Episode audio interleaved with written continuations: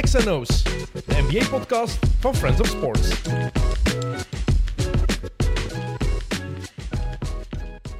Het is weer begonnen, de NBA is helemaal terug. We zijn nog maar drie dagen ver, maar toch is er al genoeg gebeurd om over te praten. En het is sowieso nooit te vroeg om al dingen te bespreken van de eerste matchen van het NBA-seizoen. Daarvoor zijn we hier allemaal te enthousiast en te gelukkig dat het weer gestart is. En om dat allemaal te bespreken heb ik de ideale gast hier bij mij. Bekend van Welcome to the AA, maar vooral bekend van Oeps en Bakkes en van zijn cameo's in XNO's. Andries Bekkers, welkom. Dag Dennis, blij dat ik er weer ben. Ook zo gelukkig als ik dat het weer begonnen is? Ja, gelukkig en tegelijk ook, het is zoals elk jaar, je weet dat het veel gaat zijn, maar je geniet dan van die vakantie en dan begint het en dan denk ik weer, dat is een job hè. NBA is een job. En eigenlijk hebben we nu geluk gehad, want het is vrijdag als we dit opnemen. Dinsdag en donderdag waren er maar twee matchen. Woensdag was het volle bak. Dus eigenlijk moet het nog echt losbarsten. Hè? Ja, ik weet het, maar ik, ik wou me toch een klein beetje voorbereiden. En uh, uh, dan viel het me toch weer op. Uh, voor de slaap, voor de rust, voor de uurtjes op de, op de iPhone is het toch niet goed eigenlijk. Nee, nee, nee, absoluut. Ik heb, want ik heb, want we hebben trouwens nog gedM'd, weet je nog? Omdat mijn League Pass niet werkte. En dan is dat zo de normaalste zaak van de wereld, dat je zo om 1 uur 36 even stuurt. maar eigenlijk... is het nog in orde geraakt? nu terug wel, maar die een dag niet. Okay. Vreemd, ik weet ook niet wat het was. Maar toen heb ik het op de, op de, op de telefoon gekeken. Is... Maar ik zou eigenlijk willen beginnen, Dennis... Um, met een klein beetje een appreciatie te geven. Ik heb met heel veel plezier geluisterd naar de preview met Thomas. En ik moet toch echt wel zeggen, dat is misschien toch al wel van het beste wat je Nederlandstalig kunt zien om het NBA-seizoen uh, voor te bereiden. Heel leuk om te horen, ja. dank u. En ik zal ook zeggen wat ik er zo geweldig aan vind. uh, what a legend is Thomas van de Spiegel. Waanzin, hè? En ook vooral, en dat is misschien wel mijn favoriet aspect van, van een Thomas, die ik eigenlijk niet persoonlijk ken, maar dat is zo ik heb altijd gigantisch respect voor persoonlijkheden die een achterzak vol verwezenlijkingen hebben. En het is belachelijk wat die mens verwezenlijkt heeft, sportief. Maar die gebruikt dat nooit tegen u. Maar het enige wat je wel doet, is zo bijna op een sadistische manier dat zo ergens in een vacuüm tussen jullie laten. Want jij zit dan zo super geanalyseerd bezig. Jij gooit er dan een voorbereid ding naast. En dan kan hem dat zo wat neersabelen met gewoon stiltes. Of zo van die dingen als... dat is echt... Als van die dingen als... Mm, ja, misschien. Of denkt ze dat? dat is echt waar. Zonder dat hem zegt, hey, ik heb hier wel bij Real gespeeld. Uh. Maar, dat, maar dat is ook het leuke eraan, inderdaad. Hij kan met gemak zeggen van... Uh, ik heb op dat niveau gespeeld, jij maar op dat niveau. Ja. Ga jij dat nu echt zeggen, wat dat veel andere mensen misschien wel zouden doen, maar hij heeft daar respect wel. Dat is al één. En ja, er zit dan altijd een goede vibe tussen ons. We hebben ook altijd heel goed samengewerkt toen we samen commentaar gaven. We zijn samen ook naar de finals gegaan, ene keer. Uh, en dat was ook ja, dat was heel plezant om die matchen daar echt live te kunnen zien. Wat ook een heel ander aspect is dan op een schermpje naar een match kijken. Dan, dan analyseer je anders ook op een heel andere manier. En het is inderdaad tof. Hij, hij weet dat hij mij graag pest en wat, plaagt, maar op een ongelooflijk toffe manier. En ik vind dat heerlijk om te doen. Ja, ja het is, het is, en ook het, het basketbal-IQ uh, dat hem heeft, is fantastisch. Uh, want het is echt, echt wel tof. Want ik, ik zeg het, wat ik leuker gewoon vind, is dat ja, dat hem dat eigenlijk niet nodig heeft. Ik denk dat hem op drie uur, of hoe lang is het, vier uur dat jullie in totaal gedaan hebben? zoiets, ja. Ik denk dat hem één of twee keer zoiets heeft laten vallen. Dat gaat dan over vijf seconden. Dat hem, ik dacht dat het was een bepaalde ploeg die verondersteld moet worden om hmm. te winnen. Ik denk dat het Boston of zo was, fans. En dan zegt hem zo, ja, maar ja, met Real hadden we dat ook, hè, 20 punten voor staan. En dat ik weer dacht, ah ja, natuurlijk. Ja, ja, dat is waar. En dat is zo, of ik heb nog met die een draftspeler... Het is nooit, het is nooit stoeverig. Nee, maar tegelijkertijd is het ook niet van dat vals bescheiden gedoe. Want het zijn, die, het zijn vooral de stiltes dat hem laat, is, is geniaal. Um, ja, mensen die dit zien, maar niet dat hebben gezien, ja, er is geen betere voorbereiding voor het seizoen dan die twee afleveringen. Leuk om te horen. Ik steek er veel tijd en werk in ook om voorbereid te zijn. 30 ploegen. Dat is meer werk dan je op voorhand denkt. Elke keer begin ik eraan denk, oh, met heel veel goesting en ik blijf dat met goesting doen. Maar dan zoveel uur later denk ik, oké, okay, nog... Uh, nog, nog twintig eh, ploegen. We moeten onze micro's een beetje dichterbij doen. Oké. Okay. Eh, Steven, je mag dat zeggen nog, Steven. Dat is oké. Okay. Komt zo mooi met het bordje, bij het bordje langs. Oké, okay, goed. Um, ja, we zijn drie dagen ver. Heel wat matchen al geweest. Ik heb al heel veel gezien. Ik denk dat ik vijf of zes matchen al volledig heb gezien in drie dagen. Uh, vandaar kleine ogen en wallen. Uh, met wat wil je beginnen? Over welke ploeg wil je het eerst hebben? Want er is veel gebeurd, er is veel te bespreken. Dus jij bent de gast. Zeg maar waar je het eerst over wil hebben. Ja, misschien wie, de NBA werkt niet echt met speeldagen, zal ik zeggen, maar wel met. We hebben nu een moment gehad, de eerste run of zo.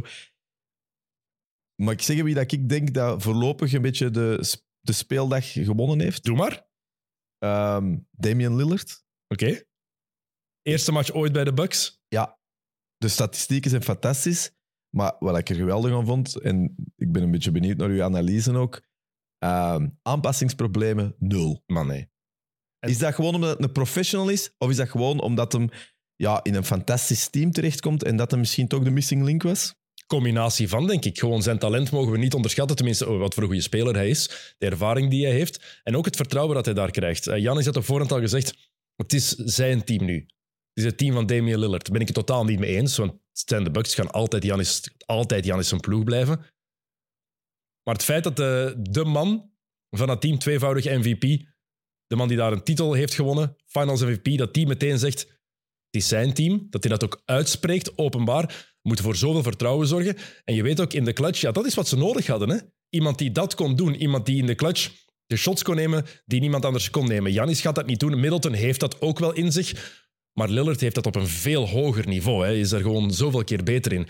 En er was een bepaalde symbiose die meteen werkte. Je hebt op een gegeven moment in de eerste helft... eh, Lillard komt over de middenlijn ge- ge- gelopen en krijgt daar een double screen. Meteen twee screens na elkaar. En dan zag je, oh, als ze dit nog beter uitwerken en nog meer gewoon worden, dan gaat het heel gevaarlijk worden. Want je voelde wel, het werkt al, hij is op zijn gemak.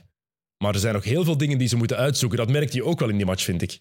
Ja, ja ik, ik- uiteraard wat gezegd vond ik ook. Maar ik vond het ook eh ja, de vanzelfsprekendheid waarmee dat een bal altijd naar hem ging. Eh, dat zal natuurlijk wel afgesproken zijn, maar er was niks raar aan. Als je het niet gevolgd had en je had gezegd, die is al zijn zesde seizoen bij de Bucks bezig, had het niet geweten. Het enige wat raar was, is gewoon om Damian Lillard in een shirt te zien dat, waar geen Blazers of Portland op staat. Je bent dat zo gewoon geweest, elf seizoenen aan een stuk, dat het Lillard zijn team was, dat hij een Portland Trailblazer speler was.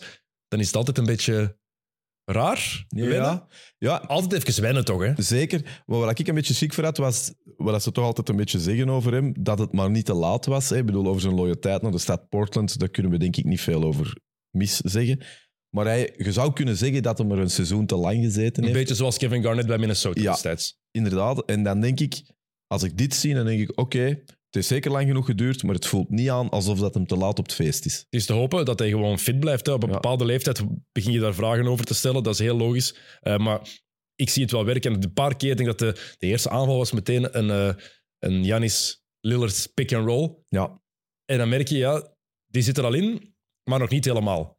Als ze dat helemaal uit hebben ge- gedokterd, als ze perfect weten hoe dat, dat werkt, dan gaat dat, gaat dat onmogelijk zijn om te stoppen. Want ik vond de Bucks niet slecht spelen, maar ook niet fantastisch eigenlijk. Janis in het vierde kwart heeft van die shots gepakt waar je van denkt, moet je niet meer doen. Nu je met Lillard in de ploeg zit, zijn dat niet de shots die, je, die jij moet pakken in mijn ogen. en hoe belangrijk eh, zal Middleton zijn? Dat was uw tweede optie. Die is nu derde optie geworden. Ik weet het, maar Wel minutenrestrictie, hè? ja, maar ik vind Middleton, dat, ik heb altijd zo'n gast gevonden die puur op papier. Ik heb altijd de indruk bij Middleton dat het, dat het er niet helemaal is, niet altijd helemaal uitkomt. Terwijl dat dan een ongelooflijk goede speler is, maar ik vind dat op papier soms een onwaarschijnlijk goede speler. Ja, maar ik denk dat we nooit mogen vergeten waar die ook vandaan komt. Hè. Verre tweede ronde pick. Eigenlijk iemand waar niemand van had gedacht dat het ooit- ooit een all-star ging worden. Is het dan wel geworden. Hij heeft nu die blessures gehad vorig jaar. Dus dat speelt ook nog altijd een rol. Hij heeft 16 minuten gespeeld. Hè. Ja. Dus ik denk, ik denk dat ze die eigenlijk heel rustig gaan brengen. En dat kunnen ze nu doen omdat ze Lillard hebben. Ik stel me heel veel vragen nog wel bij de breedte van het team. Hey, Campaign, die zijn invalbeurt was om van te blijten zo slecht. Ja, maar hij kan een goede dag hebben. Hè? Ja, ja, ja, ja, iedereen kan een goede dag hebben. dat is waar. Niet, Dat ja, is- dat is waar.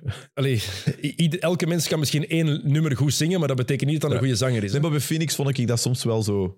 Ja, dat, dat was een leuke. Maar misschien is dat het probleem geweest dat hem bij Phoenix te veel van die goede momenten heeft gehad. Dat we daardoor dachten dat hij meer is dan dat, dat, dat, dat hem eigenlijk op is. een gegeven moment pakt hij dan een driepunter, twee meter achter de driepuntlijn, dat je dan denkt op voorhand al niet doen, niet doen, niet doen. Hij doet het. en dan gooit hij dat bord bijna kapot. Ehm, maar ja, die bank, ja, Jay Crowder speelt 27 minuten. Ehm Bo Shams vond ik goed invallen. Ja, Maar ik stel me wel vragen bij die breedte van het team hoe dat gaat, bij, gaat blijven, blijven werken. Maar je hebt, je hebt Janis en je hebt, en je hebt Lillard als Middleton meer en meer minuten gaat krijgen doorheen het seizoen. Ik vind het eh, een, heel, gaat een heel leuke ploeg worden om, eh, om te bekijken. En ja, Lillard, als je zo kan beginnen, 39 punten, meeste punten voor een Bucks debuut ooit in de geschiedenis van die club. Een betere entree kan je je niet wensen ook. Hè? Nee, nee. En ik, je zag het ook aan zijn gezicht. eh, het, was, het was leuk. En denk je dat de coachwissel impact gaat hebben? Hmm. Defensief meteen wel impact. Als je kijkt die, ehm, hoeveel agressiever ze begonnen te dubbelteamen meteen.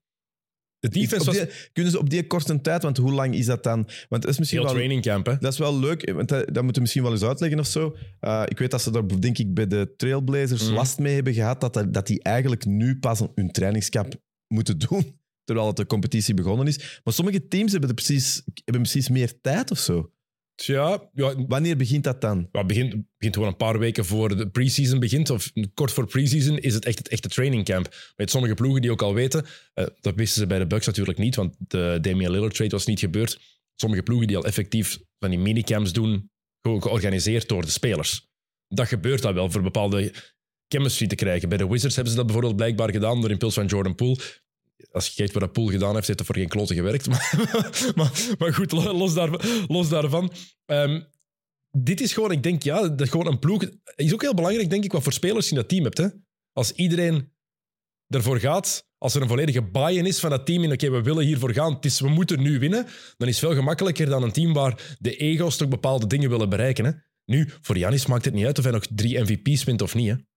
Nee, Lillard maakt dat ook niet uit. Hè? Die willen gewoon als ploeg winnen. En dan is dat volgens mij veel gemakkelijker om, om meteen een systeem te aanvaarden dat niet alleen... Alhoewel, nogthans, bij de Bucks, ja, Terry Stotts was daar. Eh, vro- vroeger, vroeger headcoach van, van de Blazers. Ja, Dus iemand waar Lillard mee heeft samengewerkt, die is al opgestapt hè, vorige week. Die is al afgetrapt door een blijkbaar akkefietje met Adrian Griffin en omdat het daar blijkbaar niet mee klikte. Dus het is toch niet allemaal zo. Ah, wel, nee, inderdaad. Ja, ik ben er even door aan het gaan, toch eens even, even kijken of zo. Eh, ja, ik vind dat toch een toffe... Ja, die Brook Lopez, daar ben ik ook fan van. Ik Ik vind dat, hem niet slecht. ik, ik, ik vind dat gewoon ook een, een geweldige figuur eigenlijk. Ehm, eh, wat wou ik nog erover zeggen? Ja, als ik het zo zie... Weet jij nog, want dat ben ik nu al vergeten. Hoe hoog had jij ze gezet in, eh, in de East? Tweede, Tweede. na de Celtics. Het is te vroeg, maar Alles is te vroeg om nu te zeggen. Alles We zijn drie nu, dagen ver. Maar dat is ook leuk. We, we- we hebben iets nodig om over te babbelen of zo. Ik had wel zoiets, ja, dat is nu mijn één. Oké. Dat is te snel, hè, maar ja, het kan ook niet anders. Tuurlijk, tuurlijk. Dat is, dat is het mooie eraan net. Ja, ben- wordt tof om te zien. Ja, en ook, dat is het laatste wat ik erover wil zeggen. Ik, eh, ik weet dat je een grote... eh, dat je wel kritisch we- geweest bent over eh, vorig seizoen, toen Janis een persconferentie zei Mhm. en over failure en de sport en zo. Ehm waar daar zeker iets voor te zeggen is, ik vind ook altijd voor het geld dat die mensen krijgen, mag er ook wel eens iets over gezegd worden. Langs de andere kant vind ik dat wel een verfrissende persoonlijkheid. En als ik hem dan weer bezig hoor over zijn positie eh, en hoe dat hem naar Damian Lillard gaat. Ik vind dat een gast die heel veel zelfvertrouwen heeft. Ook een zeer intelligente kerel. Want die heeft ook niet die woorden nodig om zichzelf op te peppen. Want diep van binnen is dat de man. Dus ik vind dat toch wel een, een, een persoonlijkheid die op veel vlakken ja, zich meer en meer aan ontplooien is als een schone mens. Ik hou van Janis. Ja. Fantastische mensen. Als Zelfs een beetje Europees zit er toch wat in dan. Zo dat, dat, dat, dat nuchtere, dat, Mhm. dat, misschien is dat, dat Grieks, het zal wel. Maar hij is toch een klein beetje een verademing tegenover dat heel Amerikaanse. Ik vind, van- hem, ik vind hem ook hilarisch. Als Ja. je volgt op social media de post die hij al gedaan heeft ehm, over het belletje dat hij destijds had voor zijn, voor zijn vriendin. Het belletje waar hij ging rinkelen als hij seks wilde van zijn vriendin, denk ik dat het was. Hij scoort dan 50 punten in game 6 in de finals. Wat gaat hij doen? Eh, Een 50-piece chicken nuggets gaan halen. Die kleine dingetjes. En ook als je die hoort praten, ik vind dat heel... Ja, die zijn accent is zo goed. Zo dat is goed. zo aandoenlijk eigenlijk. Ja, dus ook zoiets, dat is ook niet het grappigste ooit, maar ik weet, ik denk het vorig jaar was of zo, denk ik, dat ze hem toen vroegen, dat ze de All-Star teams aan het samenstellen waren, hoe dat hem dan eigenlijk... en wie zit er nog in? Ik, hè? Wie nog? Wie nog? Ah, ja, ja, that's a problem. zo, zo. Hij heeft ook een nieuw contract getekend nu. Hè? Ja, genoeg. Drie hè. jaar 186 miljoen dollar. Maar heeft dat nog zin om daarover te babbelen? Ja, dat, is, goed, gewoon, hè. ik geef het mee. dat is goed verdiend. Hè. Over, over vijf jaar, denk ik, zullen we richting de, ho- richting de 80 miljoen per jaar gaan voor de, voor de max-players. Ja. 80 miljoen per jaar. Waar is een tijd dat we zeiden, was de contract van Kevin Garnett eind jaren 90, had toen getekend 121 miljoen voor zeven jaar. En iedereen stond op zijn achterpoten. Wat? 121 miljoen voor zeven jaar? En nu is dat, wordt dat 80 miljoen voor één jaar. Ik ga een, eh, een niets ter zake doen, het feit eh, in de ring gooien. Het leven in Amerika is ook niet meer zo goedkoop, hè, Dennis. Veel fooi Je betalen. moet veel je betalen. En die taxen soms... Ja. Eh, over het All-Star Game trouwens gesproken, je zei het net, er is nieuws over. Hè? Het wordt opnieuw East tegen West. Ik vind dat fantastisch. ja, de oude man in mij denkt ook, dat ken ik nog van vroeger. Maar dat is ook veel toffer. ja, kom. ja. Ja, het is ook duidelijker. Maar ja, Het is ook zo... die draft was tof Ja, voor eens te volgen, maar dan team Giannis tegen team LeBron. Maar nee, gewoon East tegen West zoals het altijd geweest is. Ik hou van die traditie. ja helemaal, helemaal mee eens. En die shirts, East en West daarop, breng die shirts terug van wat is het, All-Star Game 91, 92, 93. Ik vind in het algemeen, eh, we hebben het de vorige keer ook al eens over gehad, toen, dat eigenlijk toen Mac McClung nog de meubelen daar is moeten gaan redden. dat is nooit een goed teken als Mac McClung de meubelen moet gaan redden. Eh, eh, waar ik ook weer van schrok, dat hij, heeft hij geen team trouwens? Ja, ja, die zit hier weer. Ik dacht dat hij nergens... Ik ben kwijt waar die zit. ja, zoek daar eens op. maar ik- Er kwam iets voorbij dat hij niks had. Die is in ieder geval gewaved ergens. Hè. Ja, ik zal wel verkeerd zijn, maar in ieder geval, dat All-Star Game kan wel wat nostalgie. Orlando, Ah, toch, sorry. we hebben hem laten gaan. Het kan ook al dat hij alles, alles laten gaan. Ja, nee, inderdaad, hij is al gewaved. Hij is gewaved, hè? ja, Ik inderdaad. had gelijk, ja. Ah, Ik bedoel, maakt nu... Ay, die vorige week is hij gewaved. die jongen zal wel terechtkomen of zo, maar om er te zeggen, ja, er mag terug wel wat van die oldschool fun in. Eh, en dat de match niet meer op, op, op het scherp van de snee is, ça va, maar al die andere dingen. Maar de matchen gaan terug volgens mij. Ik ben geen fan van het in-season tournament op zich.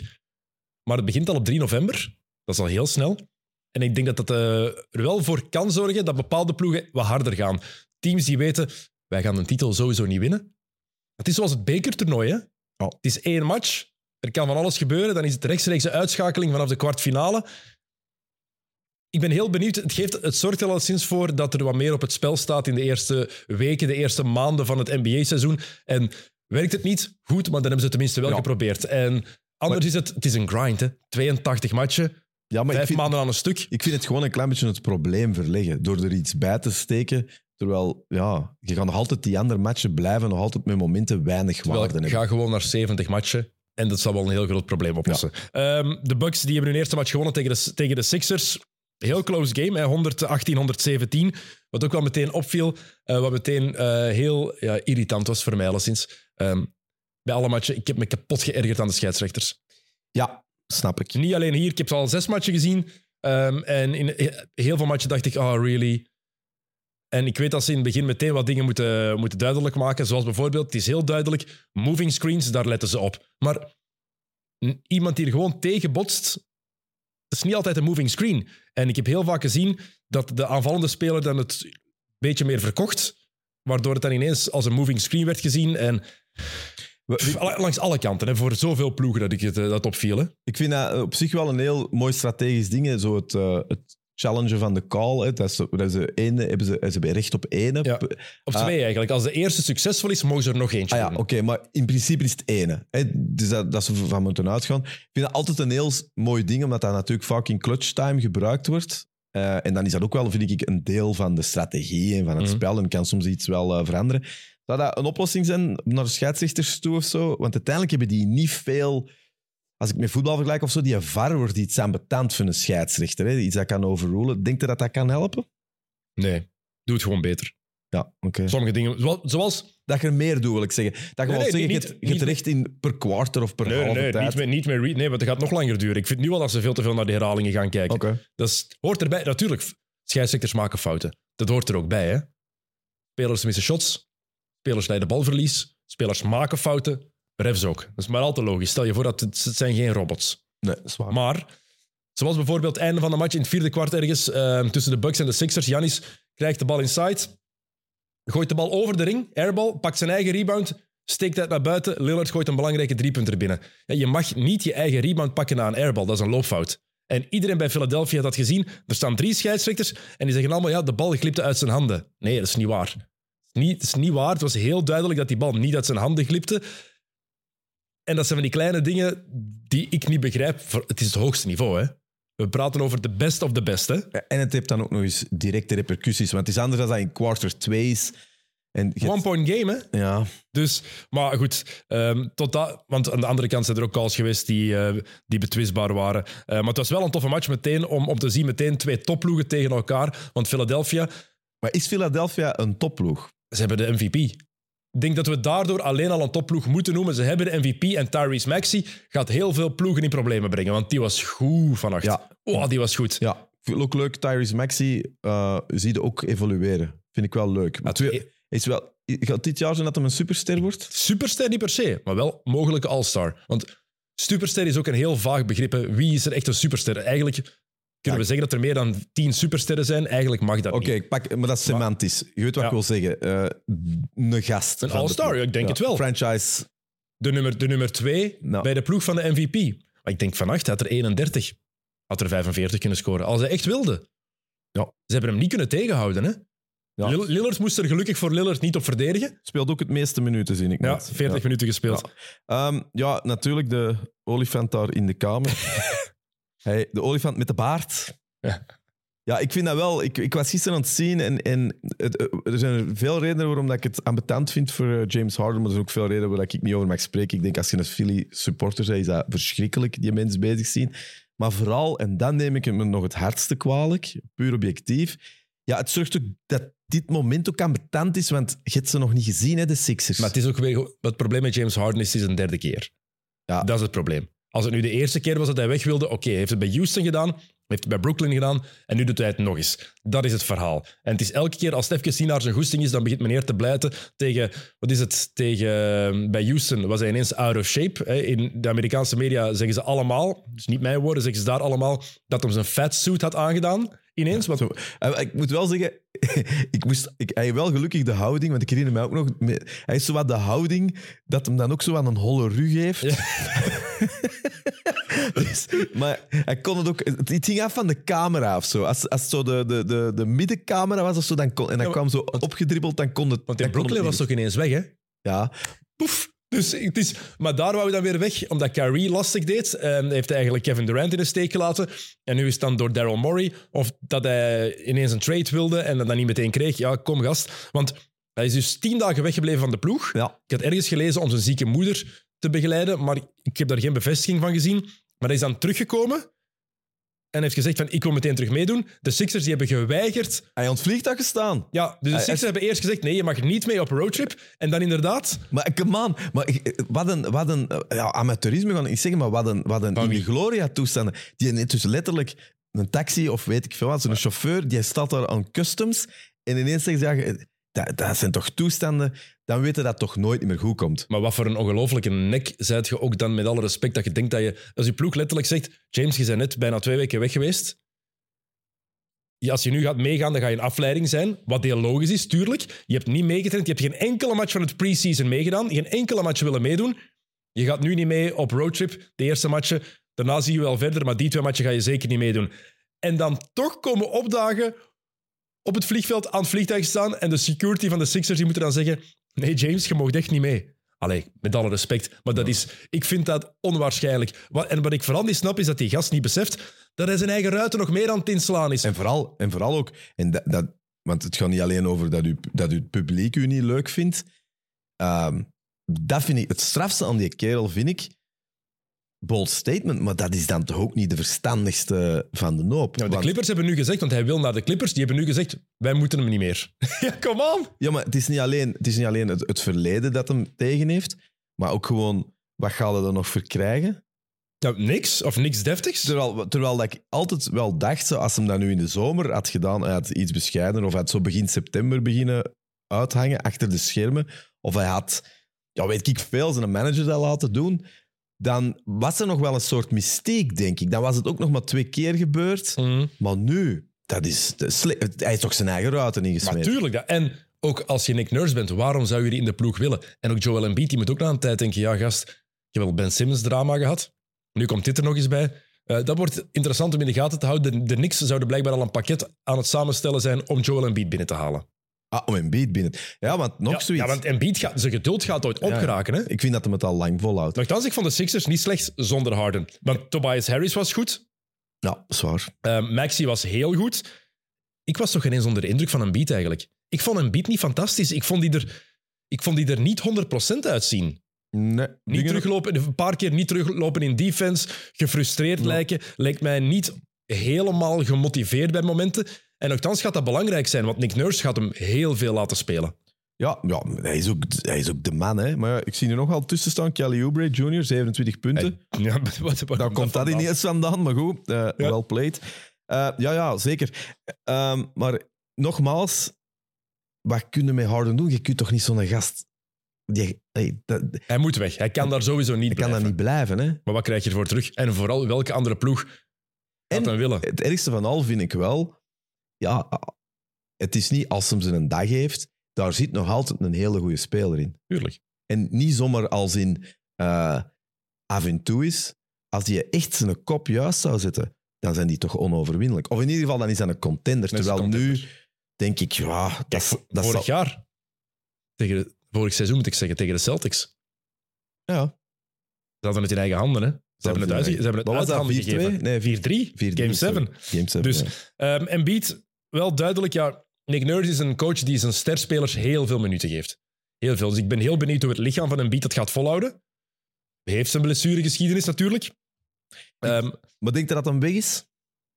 hangt er vanaf hoe dat deze ploeg werkt. Was, ik denk dat er van afhangt wat ze voor Harden krijgen, wanneer ze iets voor Harden krijgen en hoe het gaat werken, welke stappen Maxi gaat blijven zetten. Er zijn te veel variabelen die we nu nog niet kunnen voorspellen. Maar als het niet werkt, dan tijd ga- zijn geduld begint ook op te raken. Hè. Het is ook al, hoeveel jaar zit hij nu al in de NBA? Negen. Ja, nog niet echt. Ja, persoonlijke prijzen wel natuurlijk. Maar, ja. En eh, wat was ik nog aan het zeggen? Ja, en ook, hoe, hoe, komt dat dan? eh, dan een, bijvoorbeeld zo'n Harden, je zou kunnen zeggen, zijn carrière, hij zit in zijn laatste fase. Mhm. Hij gaat niet beter worden dan dat hem al was. Zijn persoonlijk ding is er. Wat ik vreemd vind, dat hij niet, dat hij niet, dat, dat hij niet in zichzelf zoiets heeft van ja, dit zijn de jaren dat ik een soort gunfactor, dat ik een soort persoonlijke... Ja, moet ik dat zeggen? Ik zeg niet post-NBA, maar eigenlijk zit hij in een zetel. Hè. Die, die kan eigenlijk nog een fan- fan-favorite worden. Die zou met die steden een band kunnen opgroeien. En toch blijft hij vervelend. Dat snap ik niet. En ook, hij kan een titel winnen. Ook al. Hij zit bij de MVP. Je kan een titel winnen. Geld is belangrijker, denk ik, voor hem. En eh, zijn jersey laten retiren in stripclubs. Dat is gebeurd in Houston, hè? Effectief. Maar dat is ook een, dat is een grappig verhaal als je goed speelt. Ja, dat is waar. Maar als je niet goed speelt, dan zijn al die verhalen niet fijn. Toen was dat grappig, nu is dat inderdaad Ja. niet grappig. Jammer. Ja, ik, vond het, eh, ik vind het moeilijk. Ik, vind, eh, ik, ik, ik wil dat ook misschien een algemene vraag dat je zo moet antwoorden. Die blessures, hè, die, die oude supersterren, want de supersterren zijn toch al over het algemeen een beetje ouder worden. Ik vind dat wel uiteraard ambetant of zo, maar het is wel meer en meer aan het komen. En ik vind het vooral vervelend. Ja, je kunt niet echt zeggen hoe goed dat ploegen zijn. Natuurlijk, dat is heel moeilijk om te voorspellen. Ze- hangt er ook vanaf wie hoeveel gaat spelen. Dat is altijd het de lastige hieraan. En vooral iets wat we vroeger eigenlijk nooit hadden. De carrières waren korter, maar iedereen speelde wel veel meer matchen. Ja, het is elke, ik zei ook met die preview. Ja, als ze gezond zijn. In het Westen vooral, hè? Als ze gezond zijn. Ja. Ja, ja, oké. ja. Ja, maar we- Maar ze zijn niet gezond. Het probleem is, we moeten dat zeggen omdat we geen keuze hebben doorheen de jaren. En als we kijken naar wat er gebeurde eh, in de jaren 90, begin in de eerste tien jaar eh, van, eh, van de jaren 2000, was dat veel minder het geval. Hè? Je had natuurlijk blessures. Hè? Je hebt mannen die hun carrière kort hebben, maar een korte carrière hebben gehad door, door van die blessures. Kijk naar Penny Hardaway, kijk naar Grant Hill. Gebeurt altijd. Dat is zo. Maar nu zijn carrières veel langer. Maar zie ook dat er gewoon veel meer matchen gemist worden. En dat, is, ja, dat blijft spijtig. Maar Embiid is wel iemand die de laatste jaren betrouwbaar is geweest. Hè? Ja, zijn rug is beter precies. In het begin, die knieblessures, die voetblessure die hij had, voet denk ik vooral. ehm, De rug ook was ook ja, de rug probleem. inderdaad ook. Dat was een groot probleem in de eerste jaren. Maar als je kijkt, de laatste jaren is hij wel betrouwbaar geworden. Ik ben gewoon heel benieuwd hoe het gaat zijn met die workload die eh, Nick Nurse erin gaat steken. Want die gaat heel veel van hem verwachten. En ik ben ook benieuwd hoe hij gaat evolueren. Want je zag nog altijd, als hij de bal krijgt in de post en ze komen hem dubbelteamen, dan weet hij nog altijd niet helemaal goed wat hij moet doen. En hij is zo goed dat, hij, dat ik van hem verwacht dat hij daar nu wel een oplossing voor zou gevonden hebben. Dus ik ben benieuwd om te zien of dat gaat evolueren in de loop van het seizoen. Ehm, over een beat gesproken, eh, wil ik jouw mening heel graag over weten. Hij gaat een schoenendeal sluiten Oké. met Skechers. Ik kan één ding zeggen, want uiteraard, wie ben ik? Ik, eh, ik kan een random verhaal vertellen, maar het gaat kloppen. Oké. Het gaat kloppen. Ik was eh, met onze gemeenschappelijke vriend eh, Robin Pront in Ierland. En de Robin is, is oké. met zijn sneaker game is eigenlijk altijd wel oké. Zo veel Nike Air Maxen en zo. En ik zag hem en ik zeg, gaat naar coole schoenen aan. En hij had blauwe schoenen aan. Zo een soort Air Max One-achtig van type. Ja. Ik zeg, ja, dat zijn toffe schoenen. En hij zegt, dat zijn, dat zijn Skechers, maat. Want eh, Charlotte Timmers zijn eh, eh, aanstaande. Haar ouders hebben een oldschool schoenenwinkel. Ja. En dat is natuurlijk waar je Skechers kunt vinden. Daar komen wij meestal niet als we coole sneakers moeten vinden. Maar oprecht, ik zeg de schoenen, waren coole schoenen. Dus misschien, ben aan het zoeken. Ik denk dat ik ze gevonden heb. Oké. waren zo blauw dijmenachtige eh dijmenachtige schoenen. Dus er is blijkbaar beterschap. Oké, ik ben heel benieuwd. Maar Snap je waarom dat dit random verhaal Ja, ja. misschien kan helpen? ik snap het inderdaad. Maar ik ben nog altijd eh, heel benieuwd hoe het dan gaat eh, resulteren in goede en coole basketters. Dat is nog iets anders. Ja, maar ja, langs de andere kant Er zijn veel lelijke er zijn basketters. veel lelijke. En ook al die... eh, wat is dat? Dat Chinese merk? AXA? Nee, niet AXA. Dat is een bank. Maar hoe heet dat andere merk nou weer? Anta. Anta. AXA. AXA. AXA R. er is al genoeg lucht eh, bij die banken. Maar in ieder geval, ehm, ja, ik vind dat er eigenlijk niet zoveel... eh, Maar het heeft bijvoorbeeld... ehm, ik vind dat er weinig Tatum heeft- coole nieuwe schoenen Jason. Tatum heeft een die lijn bij Jordan. Dus archi lelijk. Echt Ja. hondslelijk. Die Lucas vind ik cool, meestal. De Lucas zijn meestal wel, wel graaf. Die Jamorans vind ik ook niet lelijk, eigenlijk. En die van LaMelo Ball, die Puma's, die vind ik ook graaf. Ja, maar Puma heeft wel... eh, ik, heb, ik, ik heb maar één paar Puma basketschoenen. Sorry, je gaat me weer kapot maken. Kyle Kuzma's. Maar nee, ja, die zijn, die zijn kei mooi. Die zijn mooi, hè? Ja, natuurlijk. Ja.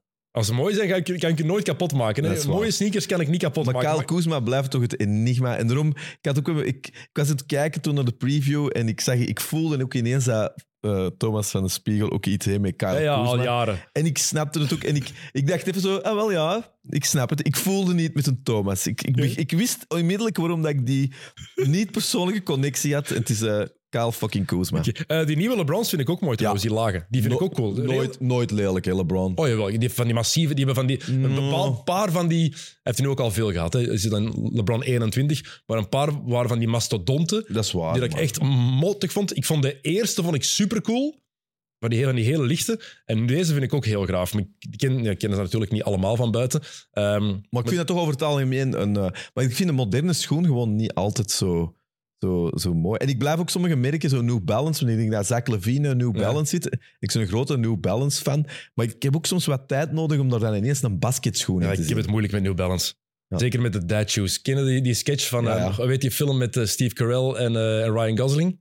Ja, ik ken de Ehm, film, maar ik, ken wel, ik weet wel dat de New Balance, dat is de witte opgetrokken sok. Dat is voor ofwel als je in een fraternity zit, of als je Steve Jobs bent. of als je een Amerikaanse vader van 55 bent met een dikke buik. Ja, in Europa was dat, of als je eh, een hardcore kid wordt, dan had ook New Balance. Maar goed, ik kan, dit, ik kan dit niet winnen. Oh, maar goed, maar dit, niet, dit valt niks te winnen. Hè. Dat is, het- dat, dat is het, eh, hoeveel het krijgt hem? Hoeveel krijgt hij Geen idee. Ik moet wel zeggen, dat was een van de. Ik, dat was ook zo ooit eens een locker room filmpje. eh, dat Anthony Davis, denk ik, eh, in een tijd Alex Caruso nog shit ontgeven was. Omdat hem. Dat was een van de eerste die zo'n Anta-deal had, denk ik. Ja, ja. Maar ik voelde ook wel dat dat meer zo'n deal was van. eh ja, krijgt gratis schoenen, nog wat, wat, wat pocket change of zo.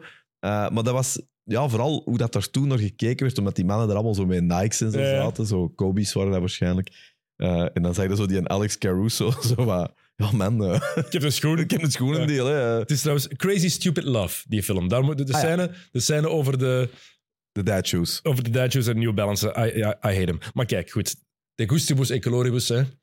Eh, goed, ja, waar we nog over kunnen hebben. Er is, ah, er is zoveel, er is veel gebeurd. Ja, ik denk, We moeten nog naar Wemby, hè. Ik Denk wou net zeggen, we gaan moeten over Wemby hebben. Het debuut, er zijn een paar spelers geweest die een debuut gemaakt hebben. Eh Scoot Henderson, Tomani Camara. Maar Ja. vooral, vooral Victor Wembanyama. De man waar iedereen naar uitkeek. 15 punten, 2 assists, 6 op 9. Het zijn identieke cijfers als een andere legende. Enig idee wie diezelfde cijfers had? Ah, verdomme, ik heb het gelezen. Nee, dat is zo typisch. Dan had ik u kunnen outsmarten en ben ik het weer vergeten. Ja, dat is... Ik kan het niet... Doe maar. Tim Duncan. Ach, Exact hetzelfde als Tim Duncan. Dat is goed gezelschap. Dat is mooi gezelschap. Ja. Maar we mogen wel niet vergeten, want heel vaak is, wordt dan vergeleken met David Robinson en Tim Duncan, de twee andere number one picks van, ehm, van San Antonio.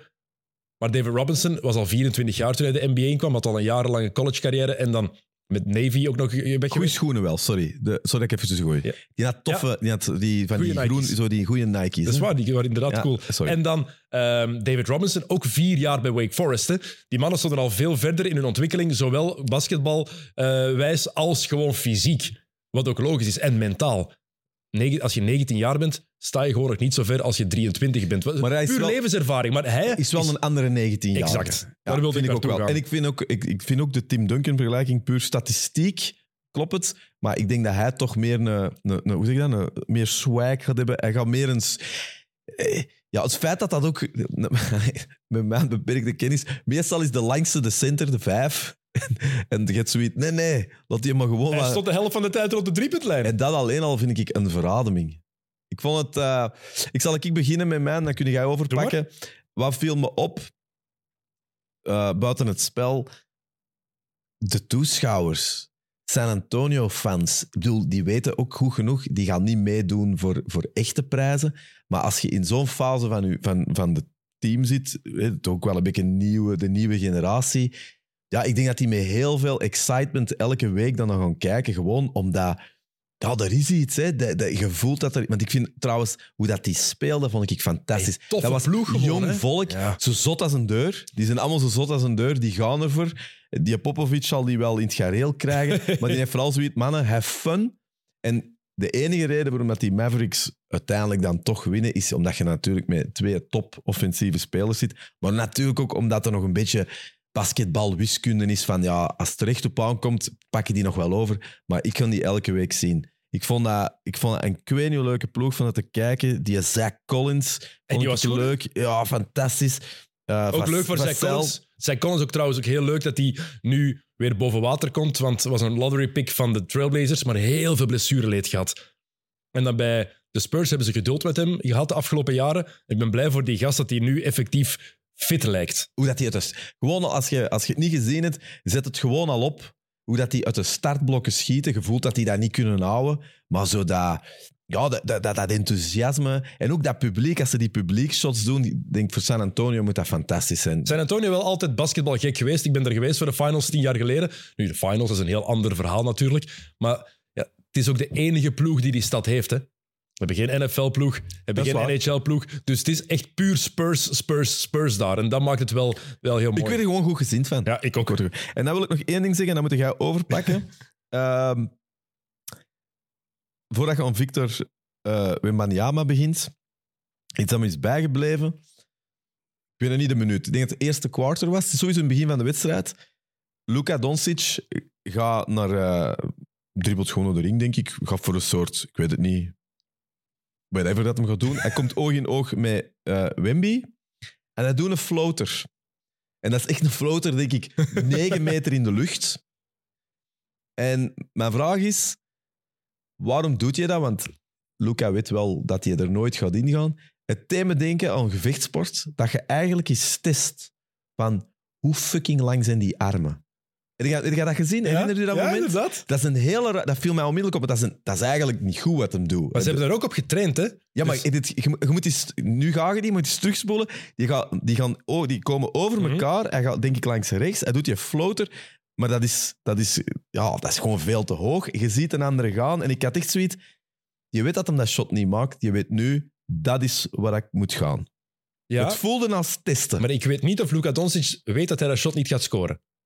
Oké, dat is dan een ander Omdat, ding. puur omdat het Luka is, hè? Maar hij zou die floater niet gedaan hebben bij Chris Paul. Op die zo hoog. Oh nee, tuurlijk niet. Maar ze hebben daar ook dus de hele week op getraind. Ehm God een van de assistentcoaches van de... Wat een naam. Goeie naam, hè? Wat een naam. Goeie naam. Sorry, daar zitten wij met onze...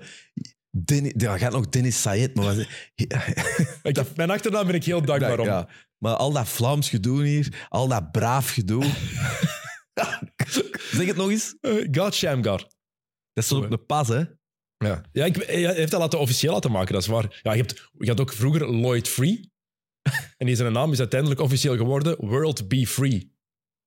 Wij zijn zo saai, Dennis. Allemaal onze naam laten Wij zijn veranderen. zo saai. Echt.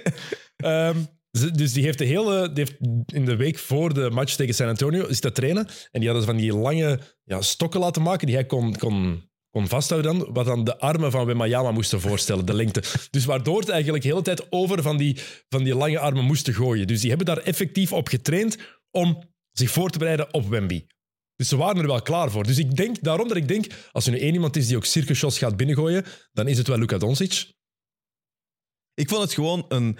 Ik, ik hoop dat er ergens een foto van is, want dat moet een prachtige persfoto zijn. Het moment dat je, ja, dat je eigenlijk het drieluik ziet. Luca, Victor en dan die een bal. Heb je de, de, de foto gezien van pre-season, nog dat blokshot van uh, bij Miami op Clay Thompson? Dat is ongelooflijk. Oh, dat- En, vooral, en maar het zotste van al vind ik daar de pauze dat hem doet voor de dunk. Dat, is, dat vond ik toen, dacht ik, hier zitten we met een speciaal. Ja, maar- want hij loopt door Ja. en hij, hij stopt gewoon en die anderen lopen hem gewoon voorbij. Hoeveel driepunt shots heb jij al zien afgeblokt worden?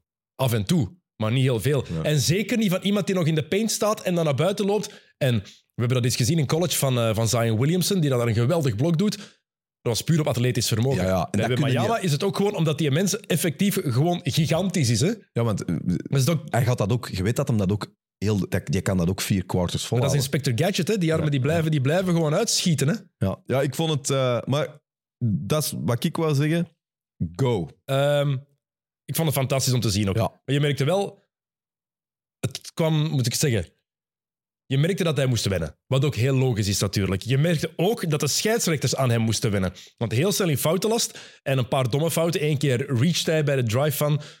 Ik weet niet wie die drive was. Ik denk dat, ik denk dat Kyrie of Luca was, maar dat hij, hij staat te verdedigen op de man in de hoek, aan de driepuntlijn, en hij gaat naar binnen en hij slaat naar die bal. Dat zijn van die fouten die hij niet moet maken. Zo'n ehm, dom moving screen waarin het wel duidelijk was dat hij begon te leunen, moet hij niet maken. Maar hij krijgt dan ook op een gegeven moment een aanvallende fout tegen, omdat hij zijn arm zet. Maar die mens is gigantisch en Grant Williams staat erop te verdedigen. Dus waar het de arm bij andere centers op de borst zouden zijn van de tegenstander, wat mag, is het nu tegen de keel. Dat was geen aanvallende fout, maar gewoon omdat het zo wennen is dat die gast gewoon een kop groter is dan iedereen. Zoals het destijds wennen was met Shaquille O'Neal. Zoals het destijds misschien ook wennen was zoveel jaar geleden met Ralph Sampson, die misschien het beste vergelijken valt met, eh met Wembanyama. Dat, dat merkte je heel hard. En ik vond het ook spijtig. Ja, je gaat kijken naar Wemby om die te zien spelen. En hoeveel heeft hij gespeeld in deze eerste match? 23 minuten. 23 minuten, ja, dat is veel te weinig. Hè? Dat is veel te weinig. Maar goed, ik, ik- maar toch... puur door die foutenlast. Anders had hij er 30 gespeeld. Hè? Maar oké, maar het is toch... eh, Wij zien het op het scherm, maar ik denk als je daar eh, Popovic zei Ja. en eh, het management en oh, die gaan, toch, algemeen... die gaan toch denken, dit is... dit komt goed, Dit toch? komt zeker dit goed. komt goed. En ook Absoluut. de fans en alles. Dat, dat wil ik zeggen. De refs moeten vooral aan hem wennen. Hè? Het was niet altijd zijn fout. Gewoon, je zit daar met iemand die je nog nooit, of, nog nooit hebt gezien, waar je op een heel andere manier voor gaat moeten beginnen fluiten misschien. Want er zijn bepaalde dingen die, zoals met Shaquille O'Neal was het destijds ook, hè? hoeveel het er aan zijn armen gehangen werd. Ja. Dat was ook helemaal anders dat je dat moest, moest benaderen eigenlijk. Maar ik vond hem, ik vond hem indrukwekkend bij momenten. Eh, ik zag ook dat hij even- effectief moest, eh, ja, zich moest aanpassen gewoon. En wat ik ook tof vind, als je het gewoon nu zo ziet. Ja. Dus Kellen Johnson, Collins, Vassell, Sachin, Osman. Mhm. Dus dat zijn er twee, vier, zes. Die hebben allemaal punten. Trey Jones niet vergeten. Trey Jones had er 16. 16, sorry, die is ik was- vergeten. oh, die, die Ja, ik, oh, die sorry. ik graag spelen. Excuseer. Die is er ook nog bij. Dat, is wel, dat zegt wel veel over die ploeg, hè. Dat, en zo, zo kwamen ze bij mij ook over. Die, ik denk dat die allemaal wel het, het gemeenschappelijk punt gezien hebben van we zitten hier niet stof, er is geen druk om van alles te doen, let's have fun. En die, Ja. ik vind dat die heel hard samen Maar verstandig fun hebben. Want eh, Ronnie Bayer had heeft sowieso een heel geweldige quote gegeven over jonge spelers, over zichzelf. Young, dumb en full of cum. Eh, Ronnie Bayer zijn uitspraak. Maar deze ploeg is niet young, dumb. Nee. Die wel, zijn wel full wel of full of cum, cum. denk ik. Waarschijnlijk Blijft wel de NBA. ik denk, maar dan nog iets. Ik denk, dat is heel fout wat ik nu zeg, maar ik denk dat je daar ook wel eh, het verschil in NBA-teams gaat zien. Ik denk dat het daar ook goed komt qua, eh, qua aantrek, denk ik. Ja, ongetwijfeld. Maar de vrouwen in San Antonio maar eens opzoeken wat Charles Barkley er al over gezegd heeft Ja. doorheen de, de jaren. Het zal grappig geweest zijn, maar het is niet altijd waar, hè, wat Charles zegt. Nee, maar blijft wel, blijft wel hilarisch. Eh, wat ik wel vond, eh, positief, ja, je merkt aan die gast, de touch dat hij heeft, hoe groot die letterlijk is op alle vlakken.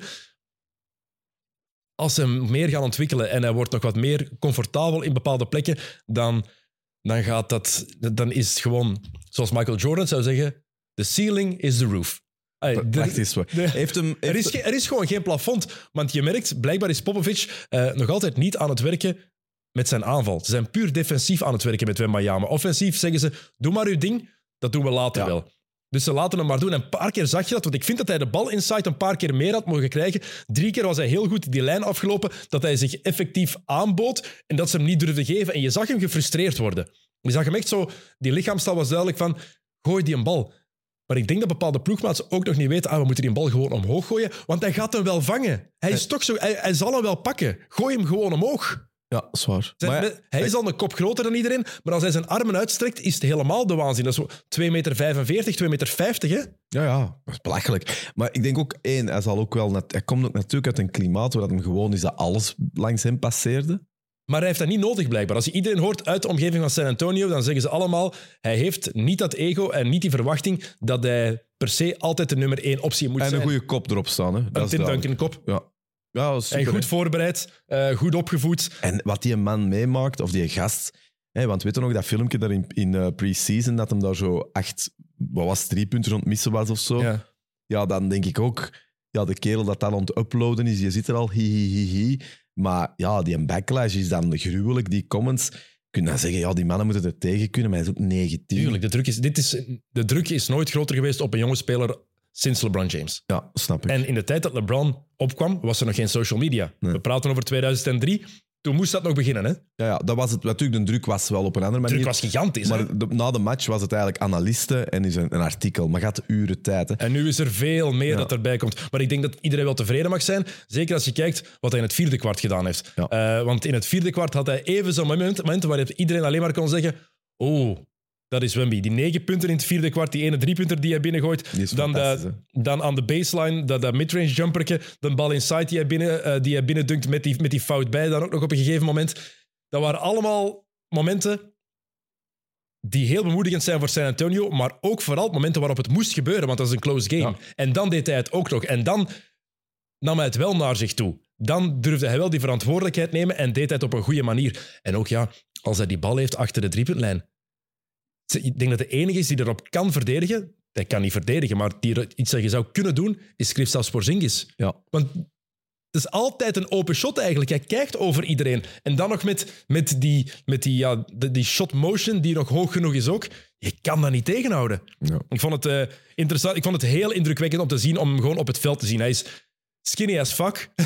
oh, wauw. Ja, dat wou ik wel even vragen, omdat je zelf over begint. Vind jij dat hem... Het is natuurlijk... Dallas is niet de meest fysieke, denk Nee. ik, van de, cent, eh, van de spelers dat hem gaat tegenkomen. Hoe, hoe denk je dat een bodycheck-test verlopen is? is er ook Nou, vanaf wat ze van willen maken. Ik hoop, wat Thomas... Maar heb je het gevoel met momenten... Ja, die kan erover oordelen, want dat was ook niet Mr. Universe of... eh, nee, sorry. Allee, daar gaat die vriendschap. Nee, nee. ik wil niet alles hebben. Eh, ik bedoel, het kopje is goed, maar ik wil zeggen, het is geen...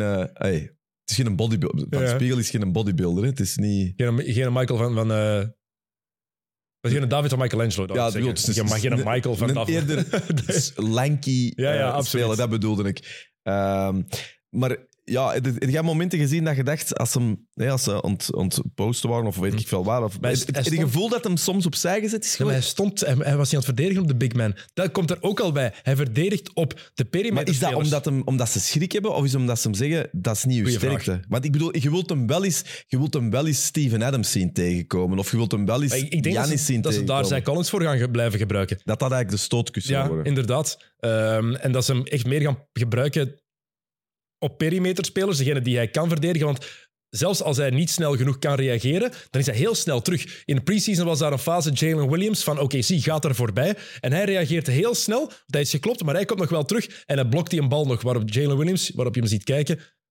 Nou, damn, dat had ik niet verwacht dat hij nog terug zou geraken. Dus daar is hij wel heel snel in.